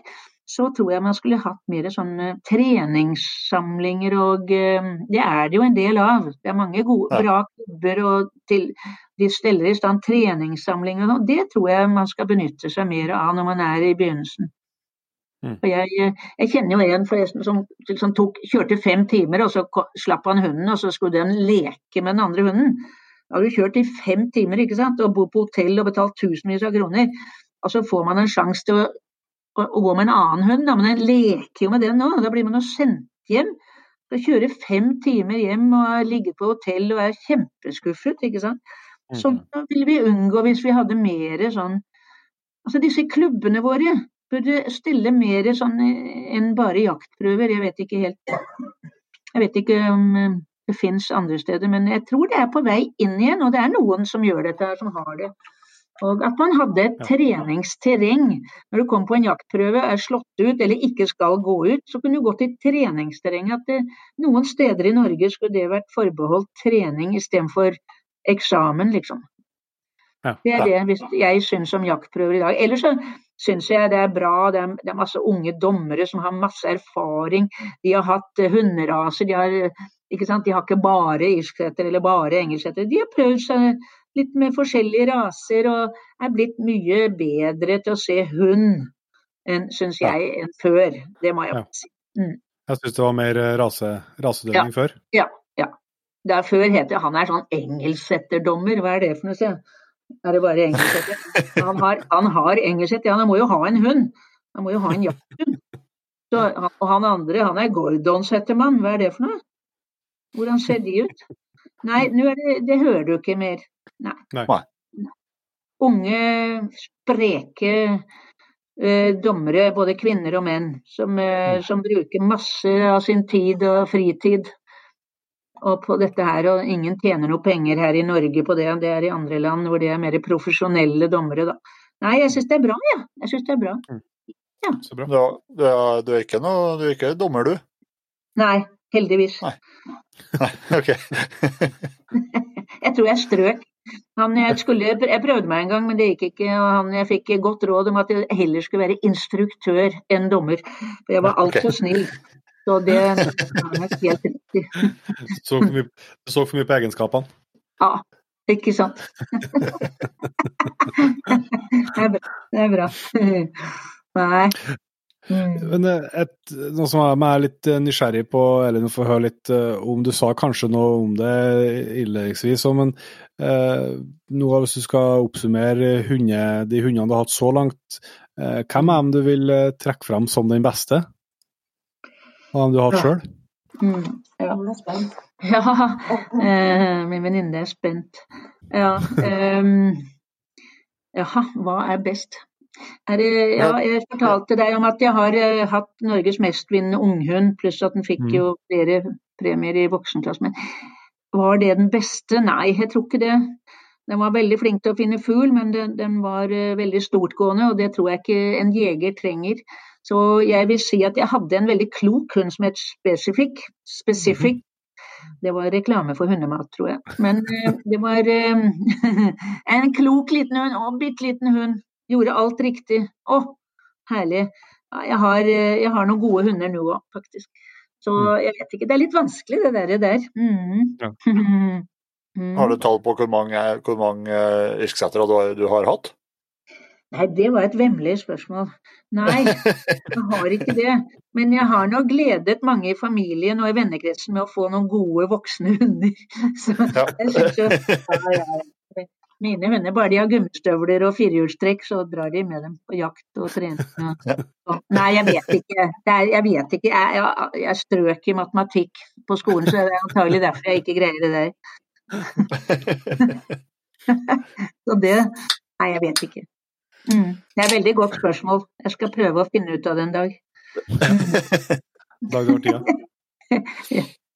Ja, ja. Eh, vi har jo fått, uh, uh, fått hørt en del, i hvert fall skrapa litt i overflata av uh, det, den kunnskapen og kompetansen du har opparbeida over mange år, Elin. Men jeg vet jo også, som vi må få med her, at du i samarbeid har skrevet, det ble skrevet en bok om både litt om livet ditt, og, men ikke minst hvordan du jobber med å, å få til Mm. hundene. Den boka er sikkert mulig å, å få Ja. tak i den til noen som er interessert. Ja, veldig hyggelig. Det er eh, mitt, liv, med fuglehund. Det er jo bare ett av mine liv. Jeg har hatt liksom 13 liv, vet du. Nei da. Det er en bok som Siri Valen Simensen har skrevet, og eh, det er ikke meg som har skrevet. Hun har skrevet mye om meg, hun har kjent meg i 40 år, og jeg har prøvd å gi råd og vink om eh, en del ting.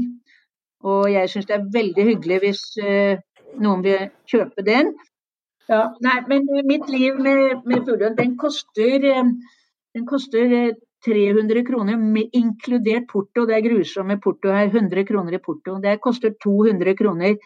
Og eh, jeg, syns Siri har vært flink til å skrive, jeg. Og jeg kan skrive en hilsen hvis noen har lyst, og da vippser man kroner 300 til, eh, til mitt telefonnummer, som er 91 51 07 81. Så sender jeg den samme dag. Ja, Det er fin service. Hmm? Ja, det er fin service. Det oppfordres, eh, oppfordres det i hvert fall herifra. Ja, veldig hyggelig. Veldig hyggelig. Det er eh, lettlest. Det er litt eh, sånn eh, personlig kanskje noen steder, men eh, det skal det vel være. Hvis man har holdt ut i 40 år, så skal det vel kanskje være litt personlig. så det er ikke bare en dressurbok. Gjør sånn, gjør sånn. Jeg er, jeg er veldig litt sånn Picasso. Et år syns jeg er litt sånn, og neste år sånn. Men uh, stort sett så går det for meg på lederskap, at man er en uh, snill, ikke for autoritær egentlig, men at man er snill og grei, og hunder skjønner det. Dette er fuglehunder, vet du. Mm. Det er jo ikke hester vi har inne i stua, det er små hunder. Så det er ikke så vanskelig, dere. Det er å få roten ned inne, og lære den innkalling ute. Gjerne inne òg, men eh, det er de to tingene som jeg syns er så viktige, og da, da går det vel egentlig på skinner. Og hvis noen har lyst til å ringe meg på det nummeret jeg nettopp ga deg, så så er det bare hyggelig. Og jeg tar også imot mennesker, selv om de ikke har irsk setter. kan komme, kan komme til meg. Kom til meg. Jeg er veldig sosial, ja. Min mor var reiseleder, og min søster var det samme. Jeg burde jo ha vært det, selvfølgelig, men jeg ble da sånn hundedame. Så hvis det er noe jeg kan hjelpe til med, så gjør jeg det. Jeg holder litt foredrag og reiser litt rundt. Ikke så mye, da, men eh, hvis det er koselig der, så kommer jeg. Ja, du har, jo- du, du har holdt litt eh, dressurkurs eh, litt forskjellige plasser. Ja da, jeg er ikke så veldig glad i dressurkurs. Jeg er mer glad i sånne samlinger hvor vi kan drive litt med hund, og vi bør ikke gå i ring for å få den altså, Dressurkurs er ofte sånn Ja, det er så mange andre ting. Det er det daglige inni hus. Jeg kan godt tenke meg å ha både folk og fe inni hus. Ikke Ja. gå ut og dressere, men jeg vil gjerne se denne hunden oppføre seg innendørs. For da vet jeg at den gjør det utendørs. Mm. Så vel, vel. Jeg har holdt dressurkurs, jeg holder samlinger, ja. Men jeg er veldig for det der å stimulere unge hunder, som jeg- vi var inne på det med duer og sånn, som ikke alle er enig i. Men det har jeg veldig god erfaring med, og jeg vet at mange av mine valpekjøpere og venner har, har det samme. Så hvis noen har lyst til å komme på det, så kan de ringe meg. Veldig bra.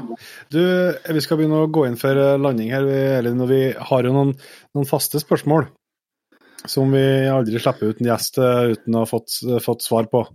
Eh, Og det første spørsmålet der, det er eh, rett og slett hva som er din eh, største jaktdrøm. Hvis det er noen jaktdrøm, eh, eller hundedrøm for så vidt òg, er muligheter. Ja, ja. Men eh, jeg har vel levet denne drømmen i 30 år. Jeg har bodd i fjellet. Det er jo for, ja, sant? Du bor 15 år i utlandet. Jeg da hoppet opp i fjellheimen og bodde der i 15, 30 år. Unnskyld. 30 år har jeg bodd i fjellet, og det er vel drømmen, dere. Å kunne gå ut i fjellet med hunden sin. Og eh, på gode dager, og så får man jo støvsuge når det regner, da. Men jeg, jeg, det, jeg har levet den drømmen. Jeg er flyttet ned på Østlandet nå. Men jeg lever jo samme, jeg drar til fjells, jeg kan ikke la være. Jeg har kjøpt bobil, vet du. Så nå farter jeg rundt som en sånn gærning med hund oppe i fjellheimen. Hvor, det, hvor det var du bodde da når du bodde i fjellet? da? Ja, først bodde jeg vel eh, mange år på Norefjell, eller Tempelseter. Drev kurs der på Tempelseter høyfjellshotell. Det ble senere til leiligheter, dessverre. Så flyttet jeg til Hjerkinn på Dovrefjell. Og der holdt jeg jo mye kurs, som du kaller det. Ja, kurs, ikke sant. Samlinger, duetrening, jakt, dressur, føring av hund i fjellet, spesielt for damer. Dette med vind og vær, vet du. Medvind og motvind. Det er, eh, det er en del sånne ting jeg brenner for. ja, ja. Men i dag så, så inviterer jeg folk hjem til meg, tror jeg. Jeg tror de har like mye å lære her på en weekend eller noe sånt. Så, mm, men drømmen eh, Min fjelldrøm har jeg levet, og veldig, ja. veldig glad for det. Tusen takk til norske fjell. Det var min, altså, ry, og ryper og hunder. Jeg har sett masse gode hunder og masse fine ryper. Snille ryper. ja. Så ja da, jeg er det. Mm. Hvis du skal komme Hvis du skal komme med det beste jakttips, eller et hundetips eller sånt til, til lytterne våre, hva skulle det være? Annet enn å gå, i- enn å gå i motvind? det var bra. Ja, eh, altså det, det, det er jo så veldig mange, spesielt her på Østlandet, som lurer på hvor skal man trene hunden. og hvor skal man... Jeg tror man skal kikke litt på, på nettet, som det heter. og så eh, Gå inn på i natur, gå inn på statsallmenninger. Gå, det det finnes faktisk jaktkort å kjøpe eh, over ganske land. Og jeg tror man får bare prøve seg frem. Mm. Og eh, komme der med en hund som kan gå løs ved fot, ikke en gærning som eh, trekker en over alle fjell. Altså få litt eh, stille med en hund som er litt forberedt. Mm. Og da er det stadig denne dressuren min, da, vet du. Man er ikke forberedt. Eh, hvis du, det er som å sette seg på en hest uten tøyler, ikke sant. Av gårde, ikke sant. Uff. Nei, eh, kikke litt på nettet, spørre venner. Det, akkurat det der med å møte folk og, og, og få tips og trene sammen med noen og jakte sammen med noen. Jeg kjenner folk som jakter sammen. De har jo herlige uker i høstfjellet. Mm. Og mm, jeg er med, jeg er hundefører. Det er en dag jeg blir uvenn med broren min, det er 10. september. Og da, da skal hunden min sitte, og han syns ikke det er så viktig, han. Men det skal jo jeg, for jeg skal jo vinne alle disse pokalene etterpå. De vinner jeg jo ikke likevel, for da er en så rampete. ja da. Men du har, du har, du har, litt- du har et lite mål, mål for i år òg. Du var nå Ja. Snakka Ja, om det tidligere ja. dag. Her. Ja, det er absolutt. Jeg skal prøve meg på, på NM igjen. Jeg har holdt på med det i 40 år. Og um, han derre Bjørn Vatle som jeg snakket om, vet du, han slo meg på målstreken en gang. Han ble nummer én og to, og jeg er tre og fire. Det, så nær har jeg aldri vært, og jeg kommer vel ikke dit igjen. Jo da, jeg skal komme dit i år. igjen. det er på Fasan i år i Sandefjord. Så nå, er, nå er jeg, ligger jeg, jeg drar i morgen, skal begynne nå trening før uh, jaktprøvene begynner neste uke. Så jeg har et mål med NM, ja. Mhm. Mm. Ja. Og det er sånn hund som rivierer og holder kontakt og gjør alt riktig, vet dere. Så eh, må vi jo selvsagt å få et eh, tips fra deg når du har bodd 30 år i, i fjellet. Som du sier, Mm. hva av eh, jaktutstyr eller turutstyr hva er det du, du er mest glad i som du ikke kan eh, ikke fer til fjells uten? Uh, gummistøvler. Jeg, du, jeg er blitt så glad i gummistøvler. Jeg er så lei av å impregnere støvler som ikke virker.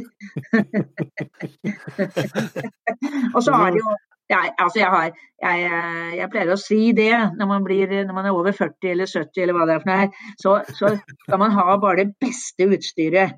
Og eh, nå er jeg forelsket i Bergans eh, tøy. Mye av det er ordentlig godt, pent og varmt. Og pent, jeg er litt jålete ennå, da. Så jeg må ha det litt sånn ordentlig. Men, eh, men eh, det derre impregnering og det, det greier jeg ikke. Så der er det gummi. Flere par gummistøvler, så de er tørre neste dag. Det, det, det, det er viktig. Veldig bra. ja da. Nei da. Jeg må kose meg i fjellet. Jeg tar det ikke så veldig alvorlig lenger, av en eller annen grunn. Jeg koser meg nå. Nå, nå har jeg det veldig bra. Veldig. Nyter gode hunder og gode dager. Så bra. Mm. Og så prøver vi alltid å runde av til slutt med ei spesiell jakthistorie eller hundehistorie. Hvis du har eh, ei på luringen der, jeg tipper at det finnes en del eh, hvis du- graver dypt, så er vi veldig glad for det. Ja, du, jeg har jo det, da. Første gang jeg var på jakt, altså ordentlig jakt, ikke jaktprøve, men det var oppe i Gjesjauret oppe i Finnmark. Jeg fikk være med to kjekke karer. Og eh, ikke hadde jeg hund, for da ventet jeg på dette vidunderet som ikke tok stand. da. Og så fikk jeg lov til å låne en hund. Tina het hun. Tina. Og så De gutta syntes jo jeg skulle ha litt ros, og de sa 'den der traff du', den, den rypa der traff du'. og sånn. Nei, sa jeg, det tror jeg ikke noe på. Kan jeg jo gå tur med Tina, denne lånte hunden. Og Tina og jeg gikk av gårde vet du, for jeg tenkte her skal jeg telle.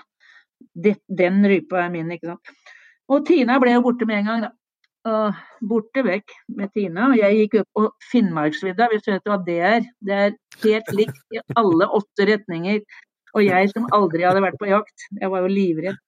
Men hadde jeg fått beskjed av gutta at uh, ikke ha patroner i geværet, ikke slå i hjel rypa med kolbunn. altså ikke, noe, ikke snu hagla og slå i hjel det stakkars dyret som jeg har skadeskutt. Altså alle disse reglene, jeg hadde fått masse regler da. Tenkte jeg, hvor er Tina? Plutselig ser jeg Tina, hun lå som et frimerke borti lyngen der, og så ser jeg en rype foran henne. Og jeg hadde jo selvfølgelig fått vite at man skyter ikke på bakken, men det glemte jeg jo med en gang. Så jeg opp med hagla og smelte til den rypa der som lå foran Tina. Og den ble jo selvfølgelig da skadeskutt, for så god var jeg jo ikke til å skyte den gangen. Så jeg snudde hagla og dro til med kolben. Jeg hadde jo ett skudd igjen, det hadde jeg glemt der og da. Så det var bare et under at jeg kom tilbake. Jeg kom altså Jeg hadde skutt dublé! Jeg hadde skutt dublé uten å ane hva det var. Men de to rypene og Tina tok jeg med meg tilbake til teltleiren, og det tok mange timer før jeg fant den, altså. Og da lå det jo noen ryper der, men du vet Jeg la jo de rypene mine litt lenger vekk, så de skulle være helt mine. Og så uh, tenkte, jeg, tenkte jeg jaha, Eh, det ble du ble, synd dere ikke var med. Så drev jeg og diktet det der. Så da de gutta kom frem, og jeg hadde ja, jeg smilte og viste de de to rypene. Det var, det var min aller første jakt. Jeg glemmer det aldri. Jeg gjorde alt galt. Og det var flaks at jeg overlevde den turen. Ja, det, det. Men jeg har hatt mange morsomme turer siden med brødre og venner og greier. Så jeg er med. Jeg prøver å være med. ja, det tror jeg virkelig på.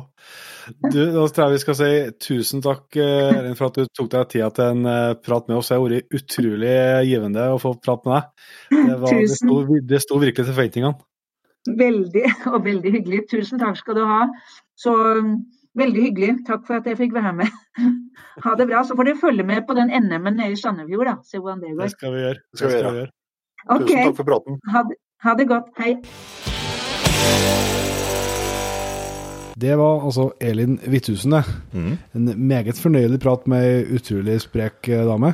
Ja, Og, det må jeg si. Og virkelig frisk. yes, og at hun har peiling eh, på hund og fuglehunder, det tror jeg nå det går an å tro på. Ja, absolutt. Det er kjempeartig Det er artig å, artig å um, prate med folk som, eh, som er ivrige på å prøve, prøve noe nytt. Og, Ja, ja, ja. og liksom uh, Nybrottsarbeid, ja. Ja, ikke gjøre som alle andre. ja. Vi har både med importen og duesakeren. Og, Ja, ja, ja.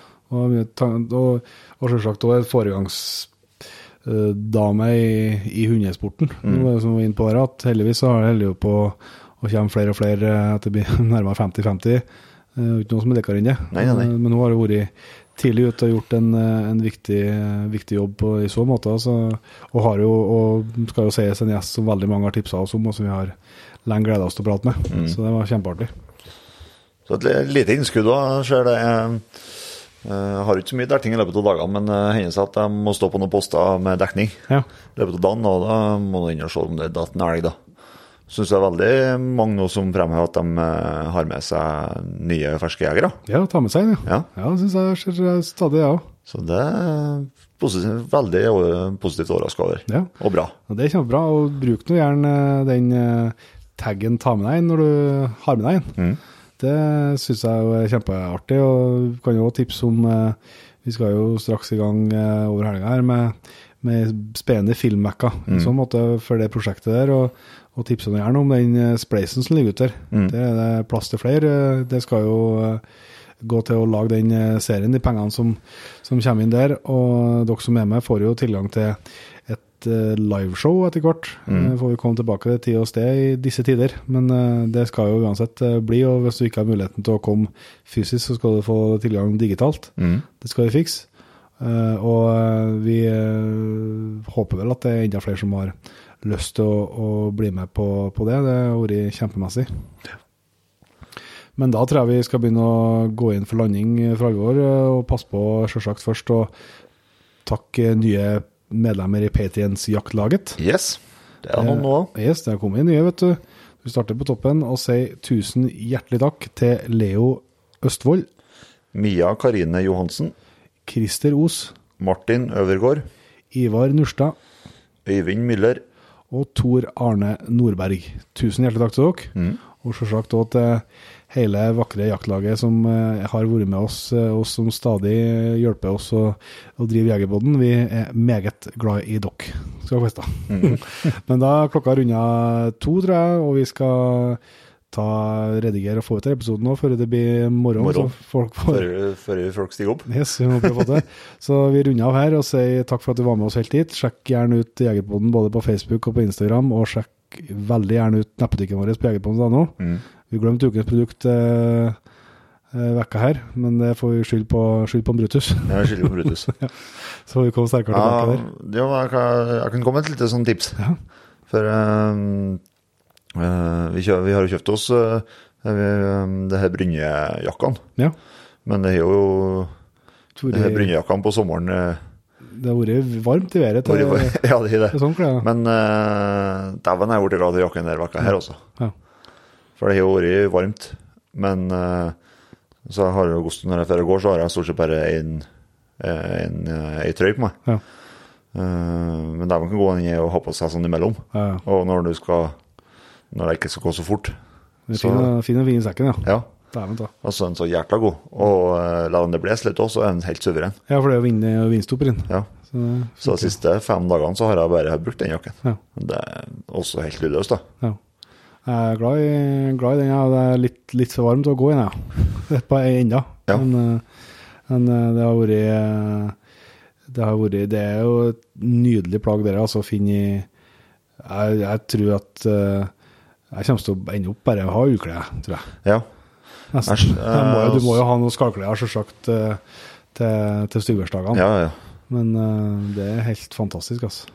Og så vil jeg jo den her eh, såkalte lydløsbuksa mi, som, eh, ja, som har sånn loddent ytterstoff, Ja. den holder virkelig på å slite nå. Ja. Hun tar inn vann, og hvis jeg skal vade over en bekk, så hjelper ikke at jeg strammer til nedpå, for eh, Nei. det er så mye hullete. så jeg skal ha på en ny sånn buks, eh, som er noenlunde lyd, lydløs, og holder litt på vannet i hvert fall. Ja. Så der eh, må jeg Ja. finne, finne på noe nytt. Finne på noe spennende der. Jeg har byttet bytta, jeg har en sånn, eh, jeg sånn, eh, og så har jeg brukt det her eh, Ventile-greiene ganske mye nå. Mm. Og det funker jo knallbra, det, altså, men det er jo utfordringer selvsagt med vading og sånt. Ja. For det holder jo ikke, tett da. Nei. Det er det som er, er utfordringa. Og, eh, ja, og jeg, det har jo ikke vært involvert i noe skalklær, egentlig. Nei, nei, nei, det har ikke. Nei, det har vært jækla fint vær, rett og slett, Ja, hele vekka. Det, det ble, eh, ble litt uh, avrunding likevel, og ukens produkt så går an å sjekke ut uh, brynjakken. Du redda oss fint inn der. Ja, jeg gjorde det. Bra. Vi ses som vi bruker å gjøre til neste gang. Vi høres.